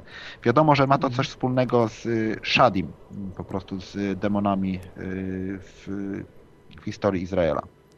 To jest, to jest właśnie ciekawe, bo też chyba e, w Starym Testamencie, prawda, była historia Goliata i da Dawida i ten Goliat, tak, Tak. mógł być takim olbrzymem niby. Chociaż Tak, nie tak, wiem. tak. Tak, y, to jest całe No, halo? Niestety. Jesteśmy? Halo, słyszysz Krzysztofie? Słyszymy się? Niestety nie, zerwało połączenie. Zaraz spróbujemy się usłyszeć. Halo, Krzysztofie, jest, jesteśmy? Nie, jeszcze, jeszcze nas nie ma, nie słychać. Dobrze, ja się łączę w tej chwili i mm, oczywiście mogło być tak, że był zwykłym człowiekiem, który był taki potężny, nie? Taki dwumetrowiec czy coś, ale może, może ten Goliat był faktycznie takim gigantem. Podejrzewam, że ci giganci, których się znajduje, jeszcze się zapytam właśnie o wzrost, bo to jest ciekawe. Też mnie ciekawi, jaki, jaki wzrost e, ci giganci mieli. E, I e, czy w ogóle. e, No, ale mamy połączenie z Krzysztofem. Halo, Krzysztofie, jesteś? O. No, coś urwało Tak, niestety. jestem. niestety No, coś nas urwało. Tak, coś, ktoś, nie powiem tu brzydko, kto urwał, ale to. Ja się nie rozłączyłem. Ja też nie. Ale się rozłączyliśmy. Yy, nie, nie mówię o tobie oczywiście, wiesz, bo no wiesz o co chodzi, to przecież wiadomo co to Skype, co to za, za e, komunikator. Dobrze, to jak tutaj już troszeczkę tak wątek ten straciliśmy, to tak e, na wstępie, na rozluźnienie, jaki oni mieli wzrost, ci, e, te, ci giganci, których się znajduje powiedzmy. Taki, bo nie, są zdjęcia takie, że mają na przykład 15 metrów, to pewnie fałszywki są, a są zdjęcia, że mają 3, 3,5, 4 metry, takie normalniejsze powiedzmy. No, ja bym y, optował za tą drugą wersją, właśnie Mhm. y, kilkumetrową, 3-4 metry. A oczywiście było też ciekawe znalezisko, nie wiem czy słyszeliście, słyszeliście o takim znalezisku na Syberii. Ten film zniknął y, bardzo szybko, gdzie tam był gigant zamrożony w jakimś lodzie, w pełnym rynsztunku, uzbrojony, który no, miał dosyć ogromny rozmiar, tylko pozostaje kwestia, nie wiem, tu, trudno określić, ponieważ są to czasy bardzo zagmatwane i jaką mieli y, wielkość, ale y, nie byli, no nie sądzę, że to była wielkość na 100 metrów. To tak można powiedzieć. Nie wynika to z, tutaj z zapisów. Tak Mhm. Ale to, to, jest, jest niesamowite, prawda? Jeżeli tylko wystarczy takiego jednego człowieka znaleźć i po prostu całość historii Ziemi się sypie, którą my znamy, dzisiaj w szkołach jest uczona, to się wszystko po prostu sypie jak domek z kart. Musimy od nowa wszystko pisać. Tak. To jest niesamowite i dlatego w tej chwili oni muszą to fałszować. Muszą, bo po prostu, no co, doktoraty pozabierają, wyjdą na idiotów ci wszyscy, którzy mają doktoraty i pro, profesorskie tytuły. No, Więc, dokładnie. więc, y, ale to jest, to jest potworne, bo to niektórzy muszą sobie zdawać z tego sprawę i, i to jest potworne, co oni robią. To jest po prostu taki faszyzm, nazizm w czystej postaci, że y, nie dopuszcza się ludzi do, do wiedzy, prawda? do zdobywania, do, żeby ludzkość do przodu jakoś szła, nie? No ale to już, to już na inny, myślę, że to jest na inny jednak, e, jedną, Tak. inną audycję.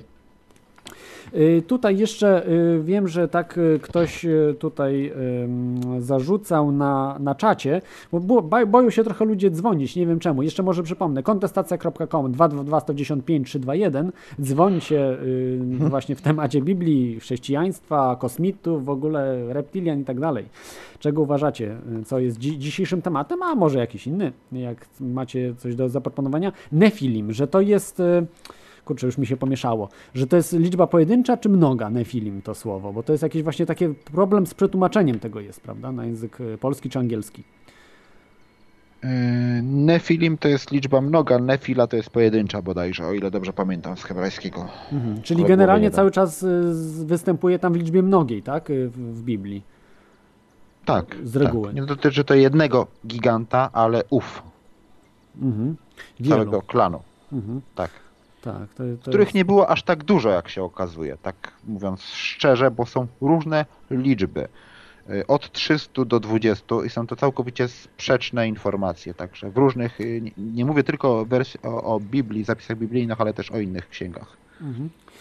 No dobrze, to może proponuję zamknąć ten temat, e, odsyłać po prostu do, e, odsyłam do, do wykładów Heizera Będzie i do wykład, waszych tak, materiałów, tak, tak. że to wszystko, wszystko będzie podane. E, To teraz jeszcze takie kolejne pytanie, te pytanie o reptilian, bo się ludzie domagają, prawda, tych reptilian, reptilian.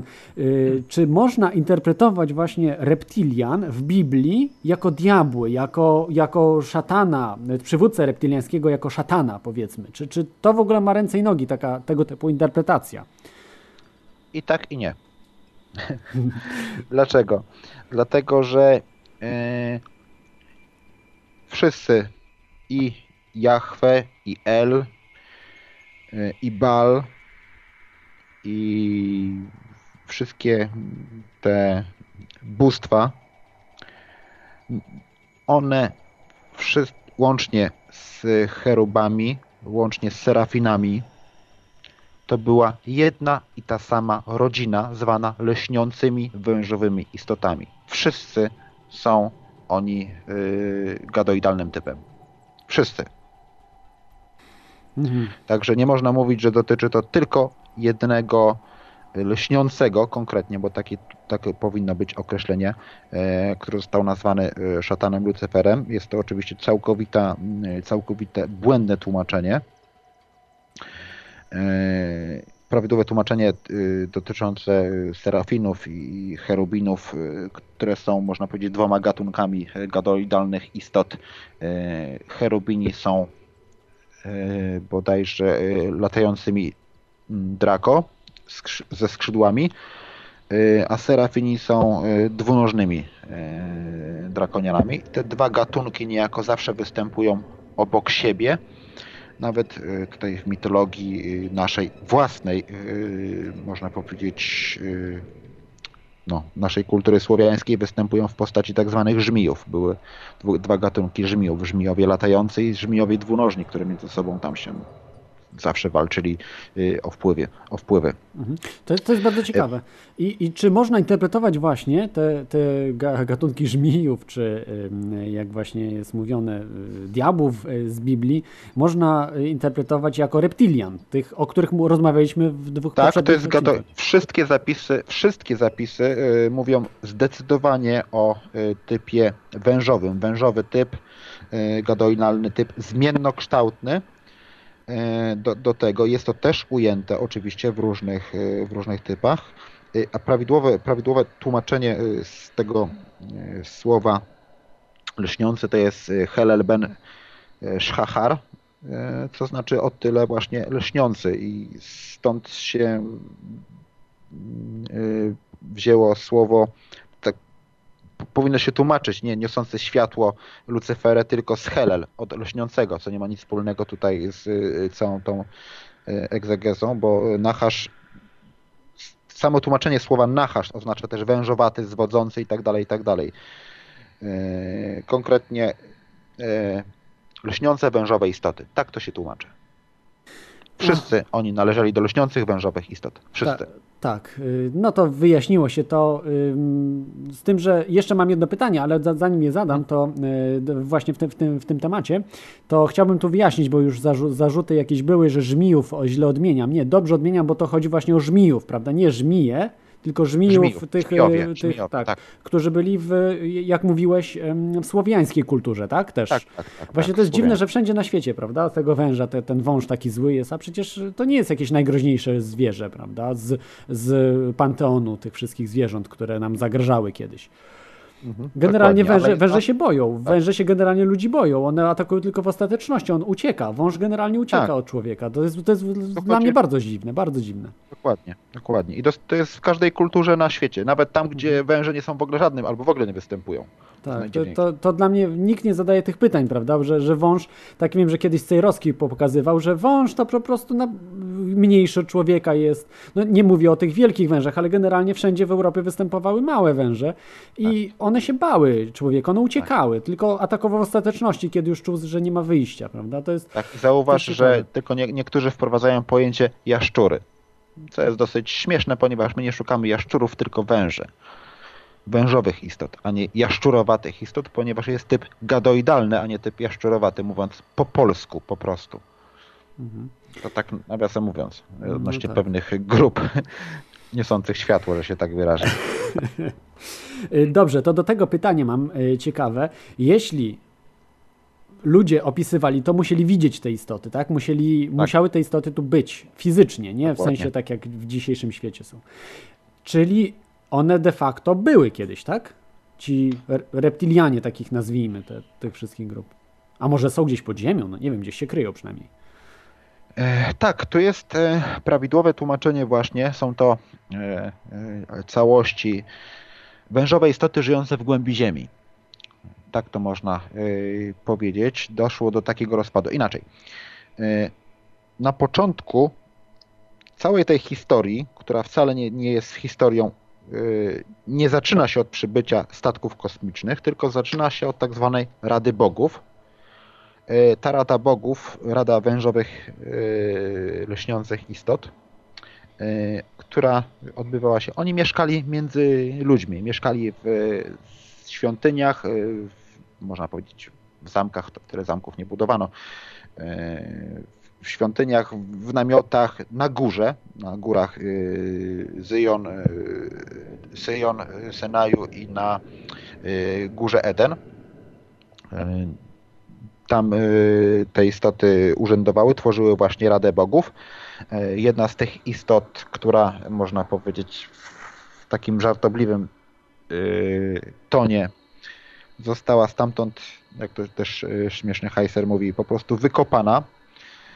Y, Tak można powiedzieć, został wyrzucony z pracy na bruk z góry na ziemię, naj- najzwyczajniej w świecie. Ten, który skończył jako, jako Lucyfer, po prostu za oszustwa, został stamtąd wyrzucony. Wielki upadek z nieba. Y, Wtedy zaczęła się tam oczywiście manipulacja na, na ludzkości. Y, Także te istoty towarzyszyły, można powiedzieć, ludzkości od zawsze, ale jeśli mówiąc o, mówimy o, o Biblii, to zaczyna się właśnie to od y, czegoś, y, co, co opisuje właśnie tą Radę Bogów, że one, one już były na Ziemi, prawda?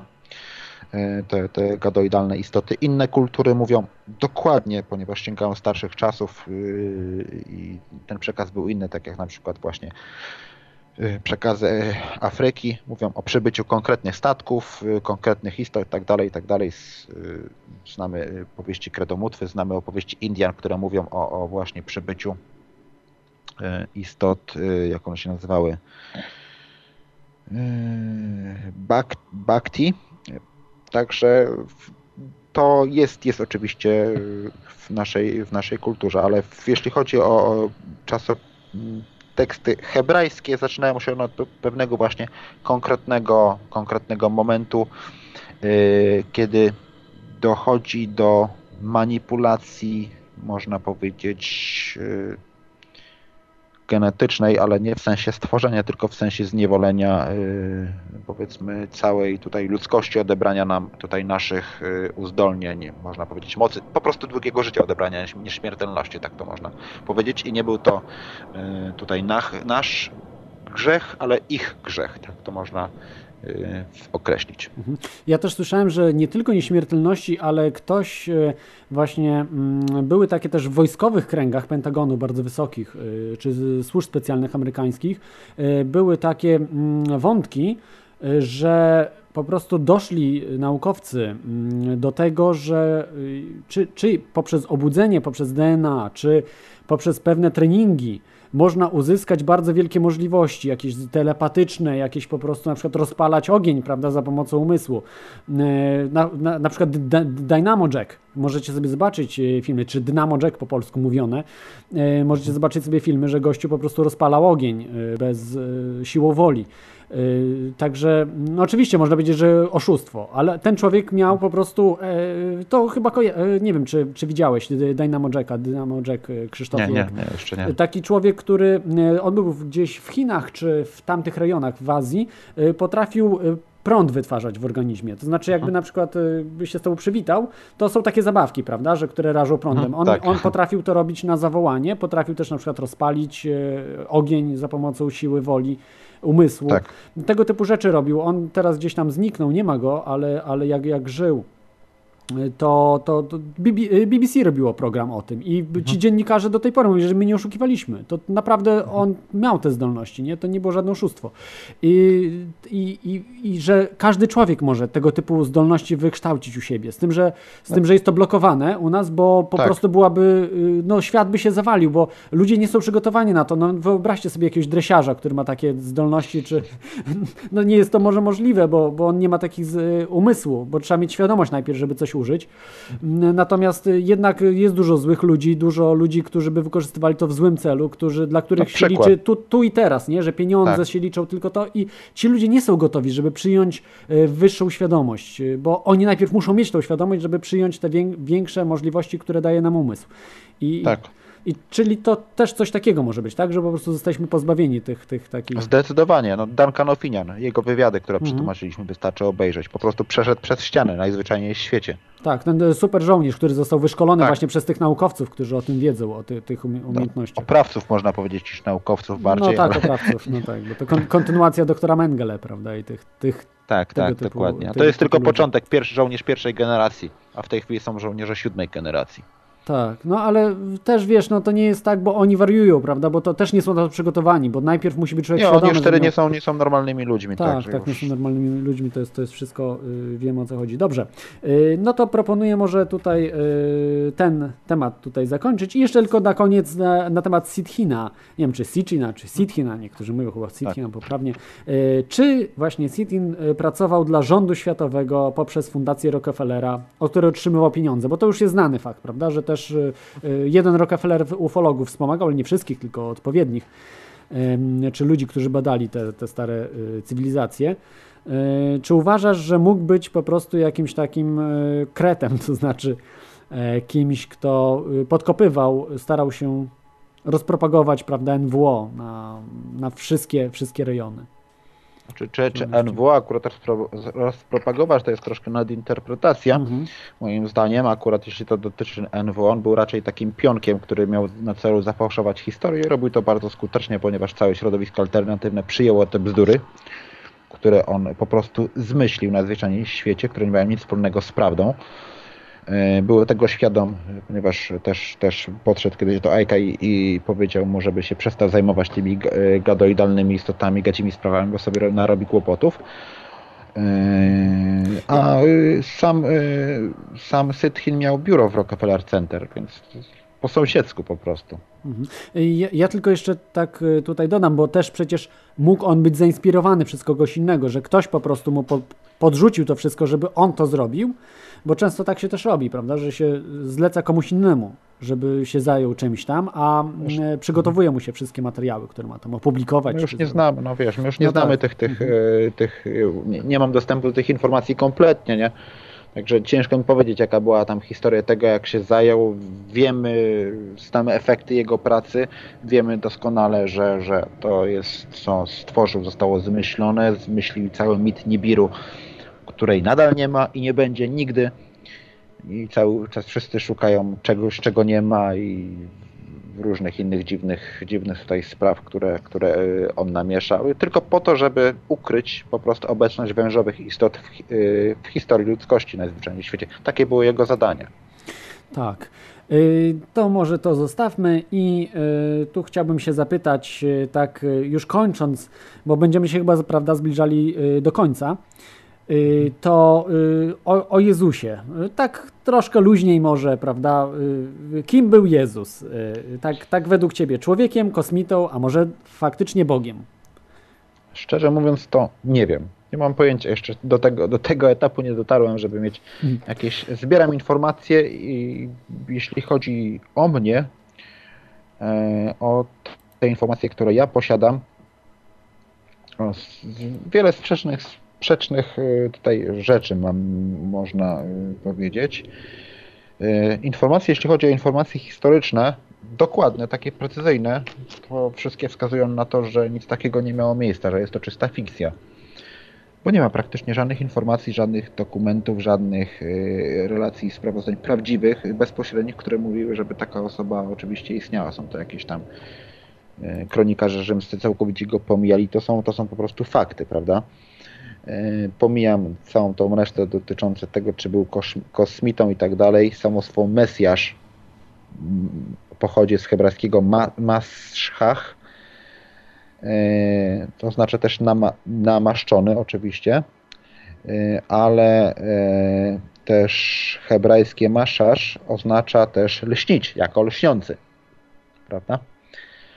Więc mamy bardzo ciekawe połączenie y, tego wszystkiego. Y, Co tutaj jeszcze można powiedzieć? Są też jakieś tam relacje mówiące, że był gdzieś tam w Indiach i tak dalej. Ciężko mi się do tego ustosunkować y, realnie.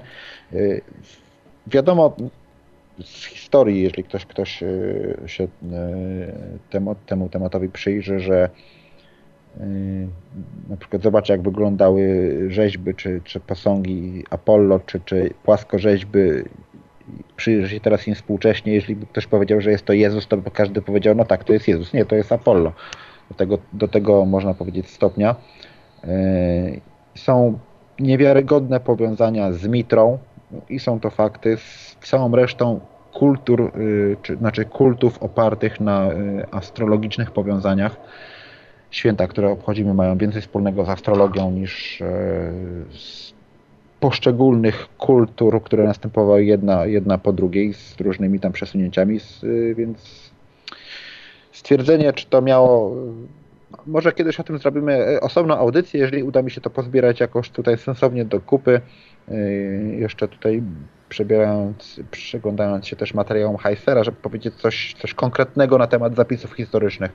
Także temat jest yy, dla mnie, dla mnie otwarty.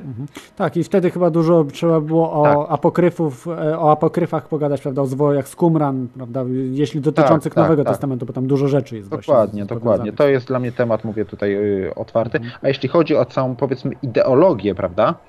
Tak. E, To, to tak też mówię o tym oczywiście na swoich wykładach, patrząc na jak mógł być y, y, odbierany Jezus, powiedzmy, współcześnie, prawda, w swojej ideologii. Jeśli ktoś widział kiedyś y, film o Bruno Greningu, o tym, jak sposób traktował ludzi, no to mniej więcej mógł tak jeśli Jezus kiedyśkolwiek mógł być na ziemi, to mógł być nim nim, tak moim zdaniem, patrząc, bo ten film widziałem w pełnym, w pełnym e, wydaniu, niesamowita postać, niesamowita osoba, mówiąca prostym językiem. E, Też, też proponuję komuś temu obejrzeć. Jeżeli taki był Jezus, to ja to kupuję. Mhm. Tak to mogę określić. No tak, ale tego nie wiem, czy się dowiemy, no chyba, że będziemy mieli maszyny do podróżowania w czasie, ale wtedy to też To być trudno może być, tak. tak. bo może być to do innych wymiarów, a nie w czasie, więc to też nie jest Tak, takie... niektórzy mówią, że był to implant, że był to jakiś rzut, y, jak to się mówi, y, Holograficzny. hologram wszczepiony. Też jest taka możliwość, ale nie mam na ten temat jakichkolwiek informacji i muszę po prostu do tego dojść, a nie Tak. będę się wypowiadał na tematy, na których jeszcze tutaj powiedzmy nie przerabiałem najzwyczajniej w świecie. No, tym bardziej ja też nie wiem, jak, jak to mogło być. No, wszy- wszystko jedno, no, dla wierzących wiadomo, że był Bogiem, prawda? Dla, Tak, nas, tak. dla nas mógł istnieć czy nie istnieć, to naprawdę ma mniejsze już zupełnie y, znaczenie. Dobrze, to może proponuję y, krótką przerwę zrobić i zaraz wracamy na podsumowanie, na jeszcze parę pytań i podsumowanie, ok? Dobrze, posłuchajcie proszę utworu i zaraz, zaraz wracamy.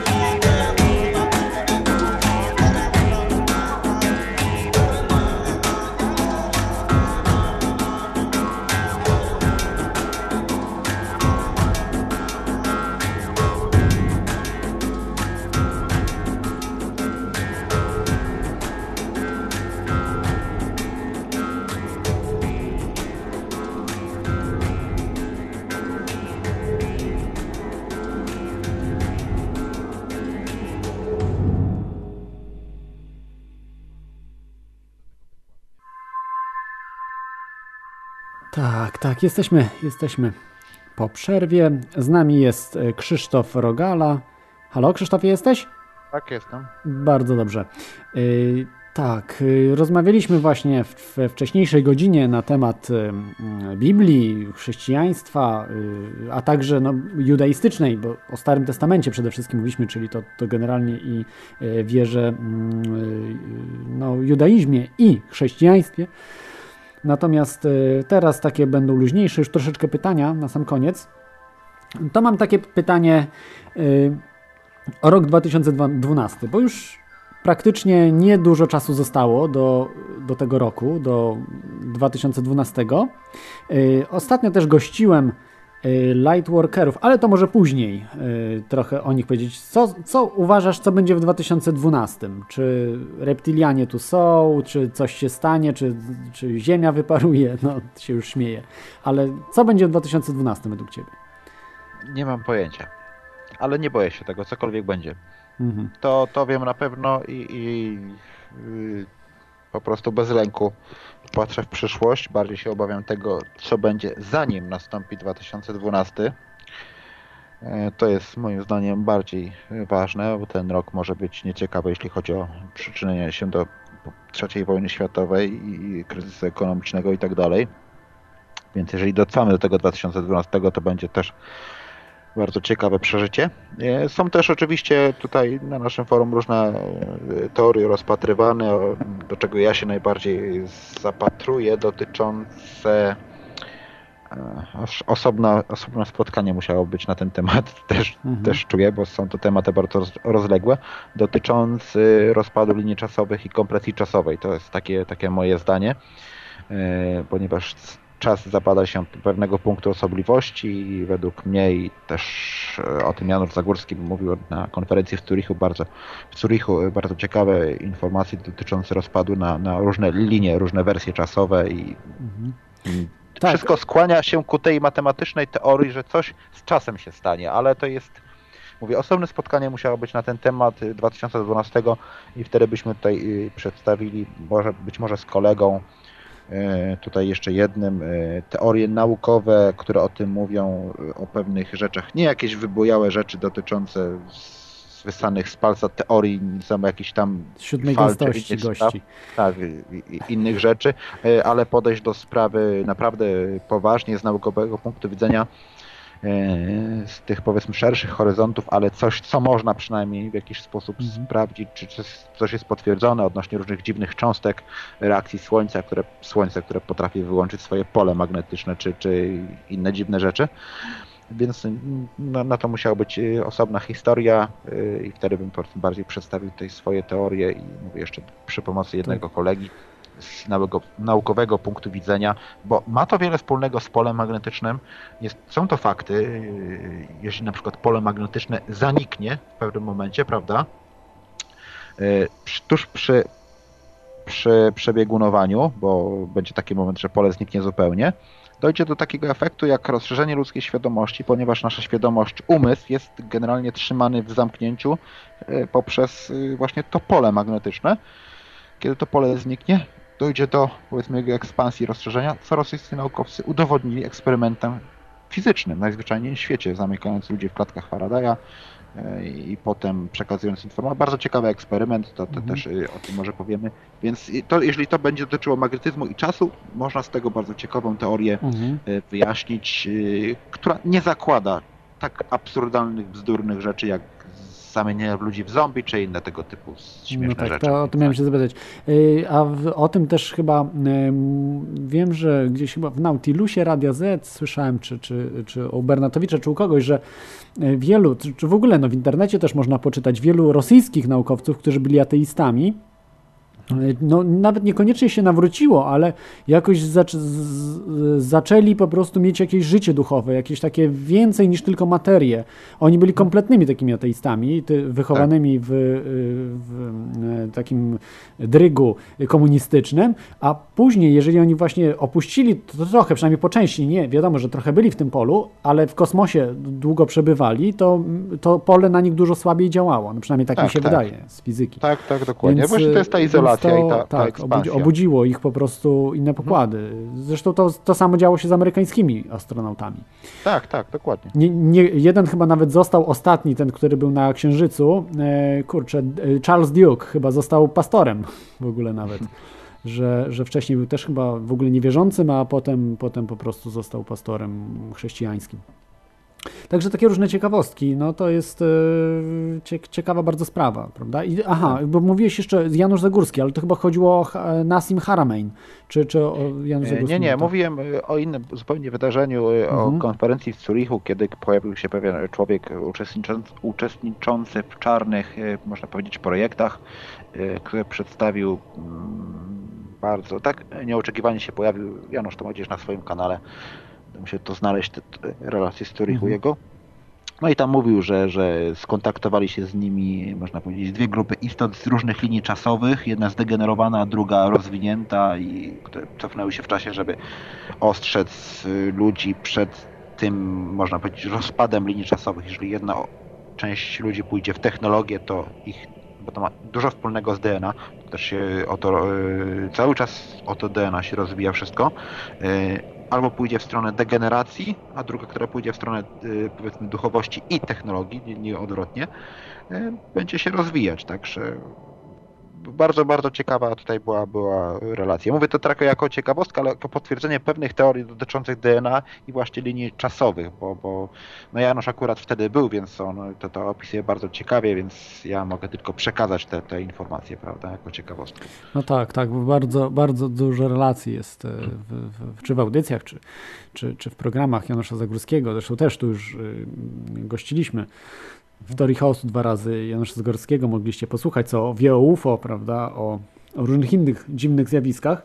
No dobrze, a to y, teraz przejdę do takiego tematu y, lightworkerów, bo oni y, chyba tak bardzo właśnie straszą ludzi, że będą te fale zombie w 2012, że będą mózgi jeść. Nie, no żartuję, nie będą mózgów jeść, ale, ale generalnie część ludzi się przemieni w zombie. Czyli uważasz, że, bo ja uważam, ja się zgadzam w pewnym stopniu tylko z nimi, że y, faktycznie może dojść do takiej obudzenia świadomości, jeżeli właśnie ludzie nie są przygotowani do obudzenia swojej świadomości, to wtedy mogą zwariować. Mogą naprawdę być takimi zombie, nie w sensie, że będą mózgi jeść, ale że będą po prostu mm, zasilali szpitale psychiatryczne, czy po prostu będzie z nimi ciężko się skomunikować.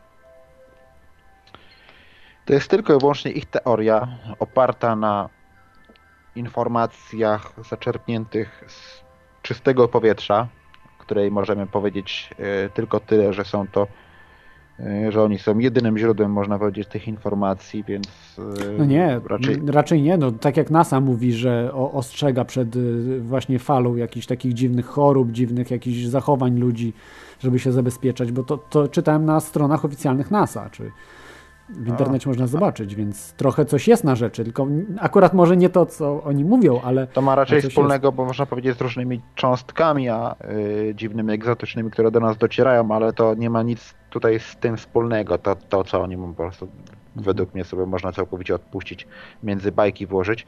Y, bo jeśli chodzi o świadomość, jeśli dojdzie już, patrząc na pewne inne teorie, o których Carion y, Michael wspomina, dotyczących na przykład y, zakończenia żywota pewnych części naszej świadomości, jak na przykład teoria astrologiczna, że dojdzie do, do śmierci pewnego cyklu świadomości, na przykład śmierci ego, czy tego operacyjnego ego yy, najniższego poziomu, yy, to, to może dojść właśnie do częściowej utraty pamięci, zagubienia, ale moim zdaniem nie ma to nic wspólnego z tym, że to- jest jedyna rzecz, którą, którą znalazłem, która dotyczyła śmierci czy wyłączenia pewnych funkcji świadomości, yy, które raczej będą powodowały to, że tym ludziom, ci ludzie nie będą mogli być, można powiedzieć, źli w tym sensie.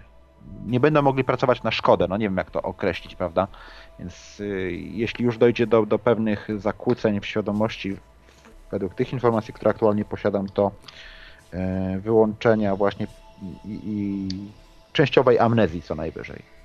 Mhm. Okej, okej, dobrze. No to ten temat zamykam tutaj. I w tej chwili, jeszcze tak przed końcem, yy, no takie pytanie, które już trochę padło w sumie w dżinglu.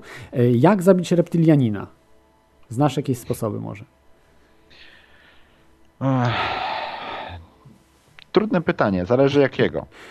No tak, bo są dwie wersje, tak? Jeden z, ze skrzydłami, drugi z, no, bez. Nie, nie, jest troszkę więcej, troszkę jest więcej wersji. Są wersje mówiące o oryginalnych istotach, e, z, można powiedzieć, ze swojego macierzystego gwiazdozbioru, które są praktycznie e, nie do pokonania niczym.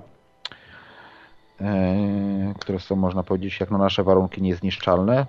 Można powiedzieć też, że nie jesteśmy w stanie też pokonać istoty zwane, e, jak, w Af- jak mówi Kredomutwa, e, wojownikami Chitauri, które przypominają właśnie e, obcych z filmu Wright, z Stargate Atlantis, nazywane Wright, czyli ludźmi tymi, ludźmi cieniami, którzy mają siłę kilku mężczyzn, jeden, więc walka ich bezpośrednia wręcz jest w naszym wypadku niewykonalna, ponieważ nie jesteśmy w stanie ich pokonać. Hybrydy typowo ludzkie jak najbardziej są do pokonania. E, Jest też inna, e, powiedzmy, e, jeszcze grupa właśnie ta żyjąca najprawdopodobniej pod ziemią tych wężowych istot, która e, można powiedzieć jest na skraju wyginięcia, czy, czy ma problemy zdrowotne poważne. E, Także raczej też są dosyć łatwi do załatwienia. Więc to tych wersji jest dosyć sporo, zależnie z którą mamy, można powiedzieć, do czynienia. Więc ciężko powiedzieć, jak można pokonać na, na dobrą sprawę. Sądzę, że te wężowe, wężowe istoty oryginalne, które tutaj były, z którymi jesteśmy najbardziej kompatybilni, można tradycyjny sposób pokonać. Można powiedzieć y, walką wręcz czy zwykłą, normalną bronią, jak każdą istotę, która ma krew. Można ją zabić. A oczywiście, jeśli są silniejsi, no to będzie to wiadomo większy problem. Tym bardziej, że niektórzy Ale jakieś mogą piły być. użyć na przykład y, mechanicznej, spalinowej czy no. coś. Bo to, bo to Nawet rąk już dzisiaj się nie używa. Pistolety są, karabiny, dużo jest. No dokładnie, dokładnie, dużo, tak, dokładnie. możliwe. Lasery, Ale to- może jakieś inne rzeczy. Tak. Są też no, ciężko określić, tym bardziej, że jeszcze tego dokładnie wroga nie poznaliśmy. No wiadomo, że z niektórymi niestety nie mamy szans. Jeśli te opisy są, te opisy są prawdziwe, to z niektórymi nie mamy żadnych szans. Nikt nie ma żadnych szans. Mhm. No tak, bo i technologicznie też stoją, to, także mają pancerze, jakieś pola siłowe i tak dalej, to, to, to wiadome, prawda? No dobrze. A teraz tak może y, o tobie chciałbym się y, zapytać, bo y, mówiłeś wcześniej też o książce, którą planujesz wydać. Czy jest już znany termin wydania, czy pla, planujesz właśnie może w 2012 roku, a może jeszcze w 2011? E, To znaczy tak, zależy o jakiej książce mówimy. To, to Eee. chyba twojej. Twojej, czy współ, jesteś współautorem tej książki? Już, już tak wydaje mi się, że y, wspominałeś. Znaczy, bo mówiłem tak, Mhm. książkę Największy Sekret Davida Icka skończyliśmy w sumie tłumaczenie, także Mhm. wi- większość rozdziałów, znaczy 80%, jeszcze trzy rozdziały zostały do przekazania, już przekazałem wydawcy, Tak. więc to już idzie do, do korekty, więc nie wiem jak tam szybko się z tym uporają. Do, do końca roku obiecaliśmy całą resztę, że dostanie trzy Mhm. rozdziały, to już dostanie w sumie be, bez żadnych problemów, więc z początkiem roku będzie y, rozpoczną się prace nad y, składaniem do kupy Mhm. całej książki Największy Sekret, żeby to już poszło na maszyny. Yy, To już tam sprawy z tym skończone. Nie wiem, jak to, ile to idzie. No, wy- wydruk trwał tam króciutko, więc to skład więcej zajmie, prawda? Yy, A jeśli chodzi o moją książkę, tu- którą, którą już tyle tych materiałów się nazbierało, że rzeczywiście z tego powstanie książka yy, solidna, to znaczy jakbym chciał ją pisać tak, jak bym chciał ją pisać, czyli tak dokładnie i precyzyjnie, jak widzę, jak to powinno być napisane, teraz przyglądając się poziomowi, jaki, jaki powinienem osiągnąć, bo, bo można coś takiego stworzyć, książkę napisać w miesiąc, która będzie bezwartościowa w sumie, ponieważ nie będzie mi żadnym y, dokumentem, a jeśli mam podejść do sprawy bardzo poważnie i zebrać dokumenty, te informacje, ponieważ ja nie, nie jestem osobą, która kiedy coś mówi, to, to zmyśla, ponieważ to, to jest całkowicie niepoważne. Wszystkie rzeczy, które staram się przedstawić, mają swoje źródła, y, które jestem w stanie przedstawić. To nie są rzeczy wyssane z palca czy, czy wzięte z powietrza. Jeśli chcę podejść do tematu tak jak Heiser, to no, troszkę to może zejść y, napisanie jej. Mam pewien szkielet, mam pewien plan, więc no, sądzę, że zdamy książkę tutaj Największy Sekret, wtedy zacznę na spokojnie tutaj opracować swoją wersję. Na, na wstępie miałem też plany, tam wysłałem oczywiście też zapytania, e, pewne ruchy już do magazynu Nexus, żeby tam napisać artykuł właśnie na temat prac Heisera, na które oczywiście mamy zgodę od Heisera na tutaj jego upublicznienie jego materiałów i tak dalej. E, czekam tylko jeszcze na, na jedną rzecz e, od niego. To, to prędzej się ukaże oczywiście wstępnie coś takiego w Nexusie, a no potem zaczynam pracę już taką naprawdę konkretną na temat tych tutaj śladów historycznych. No tylko mówię, poważne podejście do sprawy wymaga, wymaga czasu. No, nie wiem, ile mi to zajdzie. No chciałbym napisać ją w przyszłym roku. Rozumiem, to jest y, ta książka, Największy sekret to jest Davida Icka, prawda? I... Tak, tak. A mój y, y, wstępnie tytuł mojej książki to byłby, wstępnie mówię oczywiście, Kulisy okultyzmu elit. O, no, bardzo, bardzo ryzykowny temat. Ja się, tak mówię, trochę boję takich tematów ruszać, bo to są bardzo groźne tematy, szczególnie na przykład pedofilia elit, prawda? To jest, to jest groźny temat, który jest prawdziwy w 100%, tylko, tylko wiesz, jakie oni mają wpływy, prawda? Nawet w, w Polsce oni mogą na przykład wziąć, tak jak Dariusza Kwietnia wzięli, Y, polscy, niby polscy policjanci i przesłuchują cię tak. na jakieś rzeczy w ogóle z kosmosu wzięte, jak w Matrixie, nie? Jesteś wtedy w Matrixie, tak. bo ty myślisz, że to jakieś zwykłe tam, że, że broń masz w domu czy coś, a oni zadają ci pytanie o jakiś Lebensborn, jakieś, jakieś e, Lebensborn, przepraszam, no, już tak. wiem, że bo nie mówi się Lebensborn, tylko Le Lebensborn. No, y Także to są, to są niebezpieczne sprawy i, i tu naprawdę nie, nie ma żartów. To do tej pory y, te satanistyczne elity funkcjonują i mają się bardzo dobrze, wbrew pozorom. Tak, tak jak niektórzy uważają, że to jest jakieś bójdy. No, proponuję się zająć na poważnie tematem. Zobaczycie, czy to są bójdy. Zresztą nawet o pedofilii wystarczy daleko nie szukać. Latkowski robił film tak. i nie dokończył Pedofile 2 filmu, bo niestety wiedział, że to się może skończyć śmiercią jego, więc e, w Polsce, mówiono o polskich po prostu, on nawet nie, tak. nie, nie tykał europejskich elit, nic, nawet nie, tak. nie, nie, nie dotknął tego tematu. Mało tego, nawet oni potrafią zrobić, e, do, wrzucić ofiary tych sadystów do szpitali psychiatrycznych. To jeżeli tak. oni ofiary potrafią tak zniszczyć, Y, gdzie społeczeństwo jest za nimi, to zwykły badacz po prostu będzie y, ewidentnie zostanie pedofilem albo jakimś człowiekiem, który, y, którego chcą zniszczyć. Zresztą na Litwie był też taka historia, ale to mówię tak. o tym, jak będzie pro, program tak. o pedofilii elit, no to, to, to, to szerzej, o, szerzej no, słuchaj, wystarczy polecić ten film, który zrobiliśmy, przetłumaczyliśmy. 17 lat, nikt go nie ruszył. Nikt go nie ruszył w Polsce. 17 lat od początku, kiedy został tutaj zablokowany konspiracja milczenia. Mhm. Polecam właśnie o, o pedofilii w Białym Domu, także wszystko tak. na ten temat, jak to się odbywało. Film, który nikt nie miał nigdy zobaczyć. Mhm. No, no, większość ludzi nawet nie wie, że takie rzeczy są, prawda, i że to jest e, obok nas, tylko że żadne media tego nie wydrukują, bo wszystko jest kon pod kontrolą. Ludzie mówią, że to niemożliwe, nie można wszystkiego kontrolować. Można jak najbardziej, bo to jest właśnie pedofilia do tego służy. Pedofilia przede wszystkim służy do kontroli, nie do tego, żeby tam męczyć. Oczywiście te satanistyczne rytuały też, ja nie mówię, że nie, ale, ale jeżeli po prostu wciąga się zwykłych ludzi, zwykłych polityków w to, to ty uczestniczysz w tym i po prostu oni mogą ci nakazać, co chcesz robić. Ale dobrze, proponuję na tym zejść z tego tematu, bo to jest niebezpieczna sprawa. E, dobrze, e, to e, powiedziałeś właśnie o książkach. To jeszcze o Davidzie Aiku się zapytam. Czy będzie w 2012 roku David Icke w Polsce? Bo chyba nigdy nie był. Nie, nie. Warunkiem właśnie tutaj zaproszenia go było ukazanie się książki, więc jeżeli skończymy tę książkę, dopiero wtedy tutaj z wydawcą mhm. zaczniemy robić ruchy, żeby to wiesz, miał co podpisywać. Jak no tak, rozumiem. Ale była jakaś wcześniej książka, y, poradnik tak, dla była, tylko że Piracka. Nie, to była. Y, y, nie, nie, nie, to była inna. Nie, nie, ja jestem sobą, jestem wolny. To, to, to coś innego, tak? Aha, coś tam było też dla roboty, zgadza się, tak, ale to tak, było tak. inne wydawnictwo. Tak. Y, a największy sekret jest takim przekrojem y, wszystkich mhm. teorii. Tak, bo to były stare historii. książki, tak, wydane. To już jest konkret, mhm. nie? Tak, to, tak, tak. To, tam to było w sprawach tych bardziej powiedzmy duchowych, a tu jest konkret historyczny.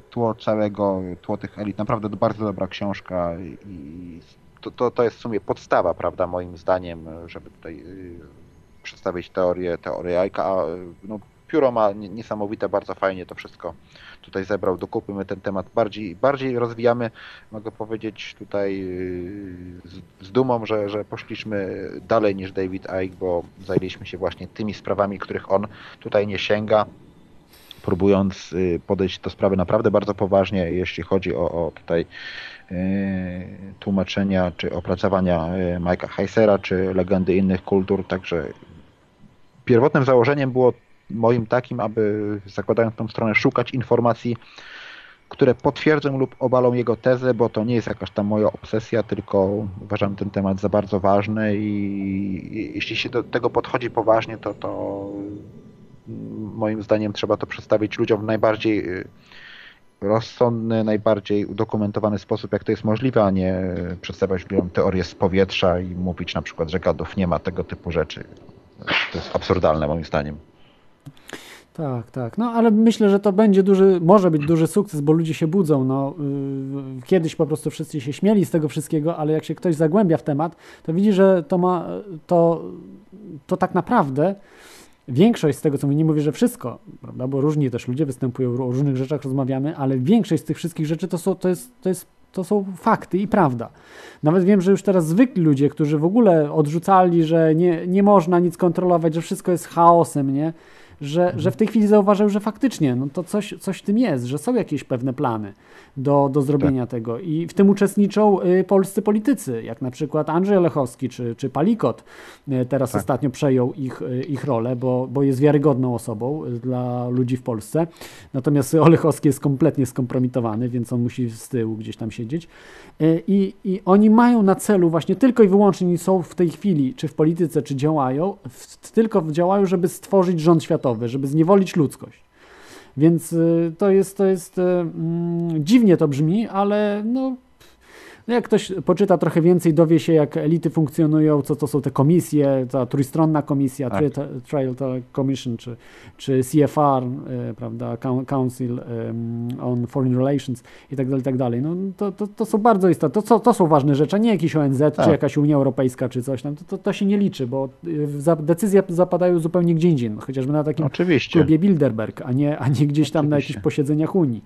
Że to, to Tylko śmieszne jest. mówię, idąc, idąc dokładnie dalej tropem, tak jak y, idzie David y, Icke, bo z tego się najbardziej śmieją, który mówi, że to należy do pewnych rodzin, tym rządzą pewne rodziny, które mają swoje korzenie bardzo głęboko w przeszłości, a my idziemy jeszcze dalej głęboko w przeszłość, żeby pokazać skąd to się wzięło, że to jest historia znacznie, znacznie starsza niż te elity y, jeszcze istniały i od kiedy się zaczęła kontrola. Także do tego jest bardzo fajna książka Bogowie Adenu, którą też polecam wszystkim, która zaczęła się od historii wojen i ekonomii, która też porusza pewne tematy. My to tylko po prostu rozwijamy o, o dodatkowy materiał, udowadniając, że Biblia od tego wcale nie jest i, i ta kultura absolutnie wolna i, i że to ta historia sięga po prostu wszędzie i nie można jej lekceważyć moim zdaniem. Mhm. Ponieważ, żeby wyjaśnić to, co się jaką mamy przyszłość, decyduje o tym to, co było w przeszłości i dlatego tak się w tym sumie babramy. Nie, nie, interes, nie, nie siedzimy tutaj teraz aktualnie w tych sprawach politycznych, chociaż teraz wrzucimy film na dniach e, taki krótki Jonesa, e, genetyczny Armagedon, Nie, ale wyjaśnienie to, to tego, chyba co się dzieje... prawda? Czy... Tak, tak, tak.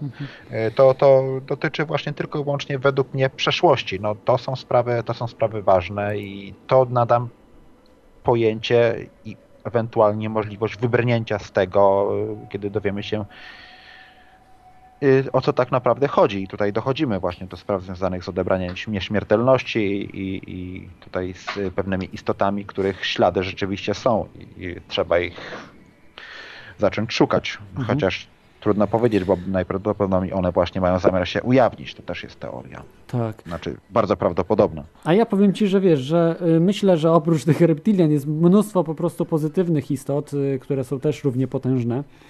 Y, Istot, nie w sensie duchowych nawet, może też, ale któ- które jednak chronią jakoś y, ich wpływ, prawda, nad nami, że, Tak, dokładnie. że oni nie mogą się oczywiście ingerować, tak jak to widzimy gdzieś tam w science fiction, niektórych filmach, że tu przyjeżdżają i robią, bo wiedzą, co to za konsekwencje są tego, że, że my Tak, musimy tak. jednak sami do pewnych rzeczy dojść. Y, I wyobraź sobie, że mam taką książkę, e, Encyklopedia Wiedzy UFO i miałem akurat otwarte, nie wiem dlaczego, ale przypadkiem było otwarte właśnie na Bogach Edenu Williama Bramleya. Y, omówieniu tej książki. I jakiś taki zbieg okoliczności, to, to może, może telepatia, nie? Jakaś taka. Y, Niesamowite rzeczy. Zresztą syki w tle słychać, nie wiem czy, czy słyszałeś, że kurczę ktoś się podłączył. E, Nie wiem czy słyszałeś, bo właśnie masz e, trochę inną linię mam, ale jak potem w nagraniu będzie można to wszystko ods- odsłuchać, że, że to, to będzie. I to nie ja robiłem, to mówię wam, to nie ja, nie wiem skąd one pochodzą, jakiś e, przypadek, nie? Chaos, tak jak się mówi, chaos i, i wszystko się, no tak. Y, Ci, którzy nie mają wiedzy, to wierzą w chaos i wierzą, że nic nie można zaplanować, nic nie można zrobić, nie można sterować ludźmi, bo naj, najlepszym niewolnikiem nie jest ten, który ma świadomość, że jest niewolnikiem, tylko który nie ma świadomości nie, niewolnika. I elity o tym wiedzą, że to jest najdoskonalszy niewolnik, którym my jesteśmy. Tak de facto my jesteśmy właśnie takimi niewolnikami do dzisiaj. No dobrze, no to chyba będziemy kończyli. Czy, czy chciałbyś może jakoś podsumować y, mm, cały dzisiejszy temat? Zareklamować może davidike.pl, prawda? Y, Two, twoje Tak. strony, które założyłeś i forum. Oczywiście do polecam. tego, do audycji, która będzie potem do odsłuchania, y, dam tutaj, dołożysz linki do tego wykładu, którego tutaj kończę synchronizację. Y, Tak jest. Warto się na nim skupić i, i zobaczyć, na jakim poziomie powinniśmy operować, co powinniśmy wymagać od innych, żeby zadawać pytania ludziom, którzy twierdzą, że mają jakieś informacje.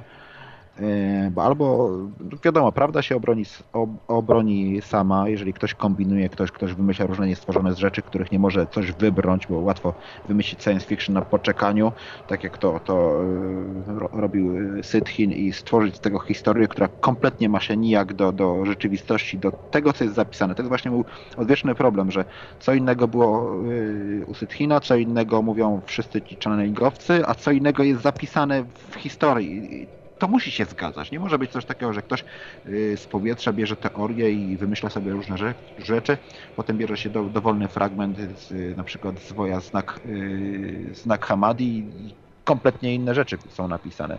Więc albo ci ludzie mają do czynienia z wiedzą, albo dlaczego ci ludzie nie potrafią odczytać tych starożytnych rzeczy, które kiedyś się zdarzyły? Dlaczego o nich, od nich nie można nic takiego usłyszeć? Z prostej przyczyny. Oni nie mają po prostu do tego dostępu. I to zmyślają najzwyczajniej w świecie. Spróbujcie się zapytać o jakiś konkret, nic ci nie powiedzą. Oni nie mają dostępu po prostu do tej wiedzy. Czerpią ją z pola, jeżeli coś nie zostało odkryte, czy, czy przez kogoś opracowane, oni nie mogą, nie wiem, albo tego przetworzyć, albo po prostu błądzą w jakichś dziwnych, dziwnych tutaj zakamarkach umysłu i przedstawiają nam to jako wiedzę, prawda? Mhm. Także Tak, wymagajmy no to- od konkretów, po prostu konkretów od ludzi, którzy twierdzą, że coś wiedzą. Mhm. To słychać wyraźnie, jak ktoś, ktoś wymyślał różne rzeczy niestworzone, właśnie jak mówisz, science fiction, bo y, tutaj e, e, słuchaczami teorii chaosu są ludzie bardzo świadomi, więc wychwytują te wszystkie różne, mm, e, różne niuanse, różne właśnie niedopowiedzenia, różne nawet kłamstwa, które ktoś, ktoś propaguje, czy też jakieś właśnie wymyślactwo, prawda? Bo nawet ktoś może wierzyć w to wymyślactwo, też tak może być, prawda? Tak, Że wierzy może on- mieć jakąś spójność wewnętrzną, Mhm. jak najbardziej, Tak. bo, bo na tym to polega. Często takie, takie rzeczy zmyślone mają spó- spójność wewnętrzną. Ale za, za, zawsze, się, zawsze się wykolejają na pewnych takich Tak. dziwnych pytaniach, takich y, bardziej drążących temat, to, to wtedy one się zaczynają wykolejać. Ten cały. Próby konfrontacji z innymi, to, to jest po, podstawowa sprawa. Tak, to jest y, też szczególnie słuchaczami, którzy zadają różne też ciekawe, ciekawe pytania. Trochę dzisiaj telefonów zabrakło, no dużo na czacie właśnie komentowali, ja niestety nie mogłem czy, czytać tego wszystkiego, ale no tak, tak jest odwagą ludzi, prawda, że jednak y, w, te, w tekście, w pisaniu, prawda, to każdy jest mocny, natomiast żeby się zmierzyć na, na antenie, to już troszeczkę brakuje, prawda, ale dziękuję też tutaj wszystkim tym, którzy się odważyli zadzwonić i skonfrontować się w tym temacie. No i zapraszam do obejrzenia wykładu, bo jest to wykład nowy. Nigdy nie był opublikowany w internecie, nie można go znaleźć, a, a tutaj yy, u Was postaram się, żeby pojawił się jak najszybciej, to podeślę Ci tutaj linka od razu. Okej, y, dobrze. Y, No to ja dziękuję Ci, y, Krzysztofie. Polecam Wam y, zapoznać się z, z tymi filmikami wszystkimi, tymi materiałami. No i w przyszłym roku czekamy na Davida Aika. Kupcie też książkę, jak będzie, będzie po polsku wreszcie, a nie tylko po angielsku. No zrobimy audycję, mam nadzieję, jakąś. No, na e, o pewno, na pewno. Ja Przedstawimy. sam z chęcią się wybiorę, chociaż bliżej mam do Wielkiej Brytanii, żeby polecieć niż do Polski, ale... No tak, ty tak. ale, ale jednak w Polsce, bo jednak nie wszystko się wyłapuje, to znaczy poziom angielskiego mam w miarę, no nie jest to jest super poziom, ale, ale jednak po polsku, chociaż no właśnie, chyba wolałbym jednak po angielsku, bo on wymaga symultanicznego, prawda, yy, tłumacza, tak. Więc, więc to, wszystko, to wszystko zależy od tłumacza, więc Nie, chyba, ale nawet do Polski bym się tak wybrał. Zawsze, zawsze dobry pretekst, żeby się wybrać, prawda? Także trzymam, że, trzymam kciuki, żeby, żeby przyjechał i, i sobie z nim pogadać, prawda? A tak, e, no to fajna sprawa, fajna sprawa. Naprawdę bardzo ciekawa postać Davida, jak też polecam wszystkim. Nie, nie oceniać go tak z góry, prawda, że, że zapoznać się trochę, trochę z nim, co on mówi, jak prowadzi to wszystko. Też są oskarżenia oczywiście, że on jest, y, bierze udział, tak, że jest w tym NWO i w ogóle, no ale Wszyscy to... bierzemy udział.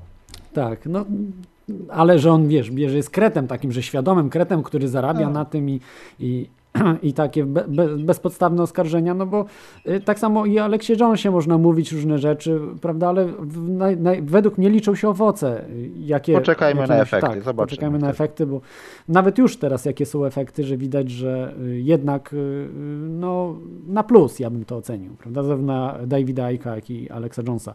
Y, Dobrze, dziękuję Ci jeszcze raz Krzysztofie i do usłyszenia w przyszłości.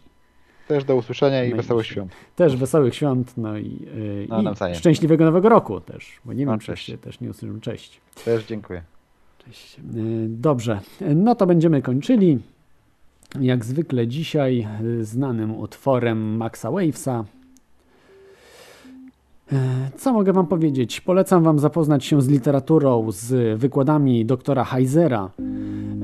No, doktor Heiser no jest chyba jednym z najlepszych specjalistów, jeśli chodzi o, o Biblię, o języki starożytne. Y, A od siebie dodam, życzę Wam wesołych, radosnych świąt, imprezowych też, żeby nie smucić się, bo to jest okropne. No i do usłyszenia za tydzień. Za tydzień będziemy podsumowali rok y, ten i będziemy mówili, co się wydarzy w 2012. Do usłyszenia za tydzień. Cześć.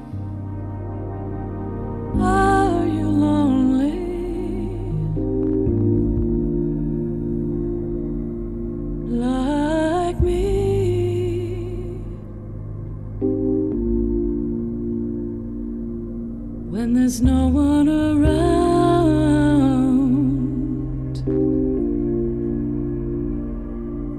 for you to talk with.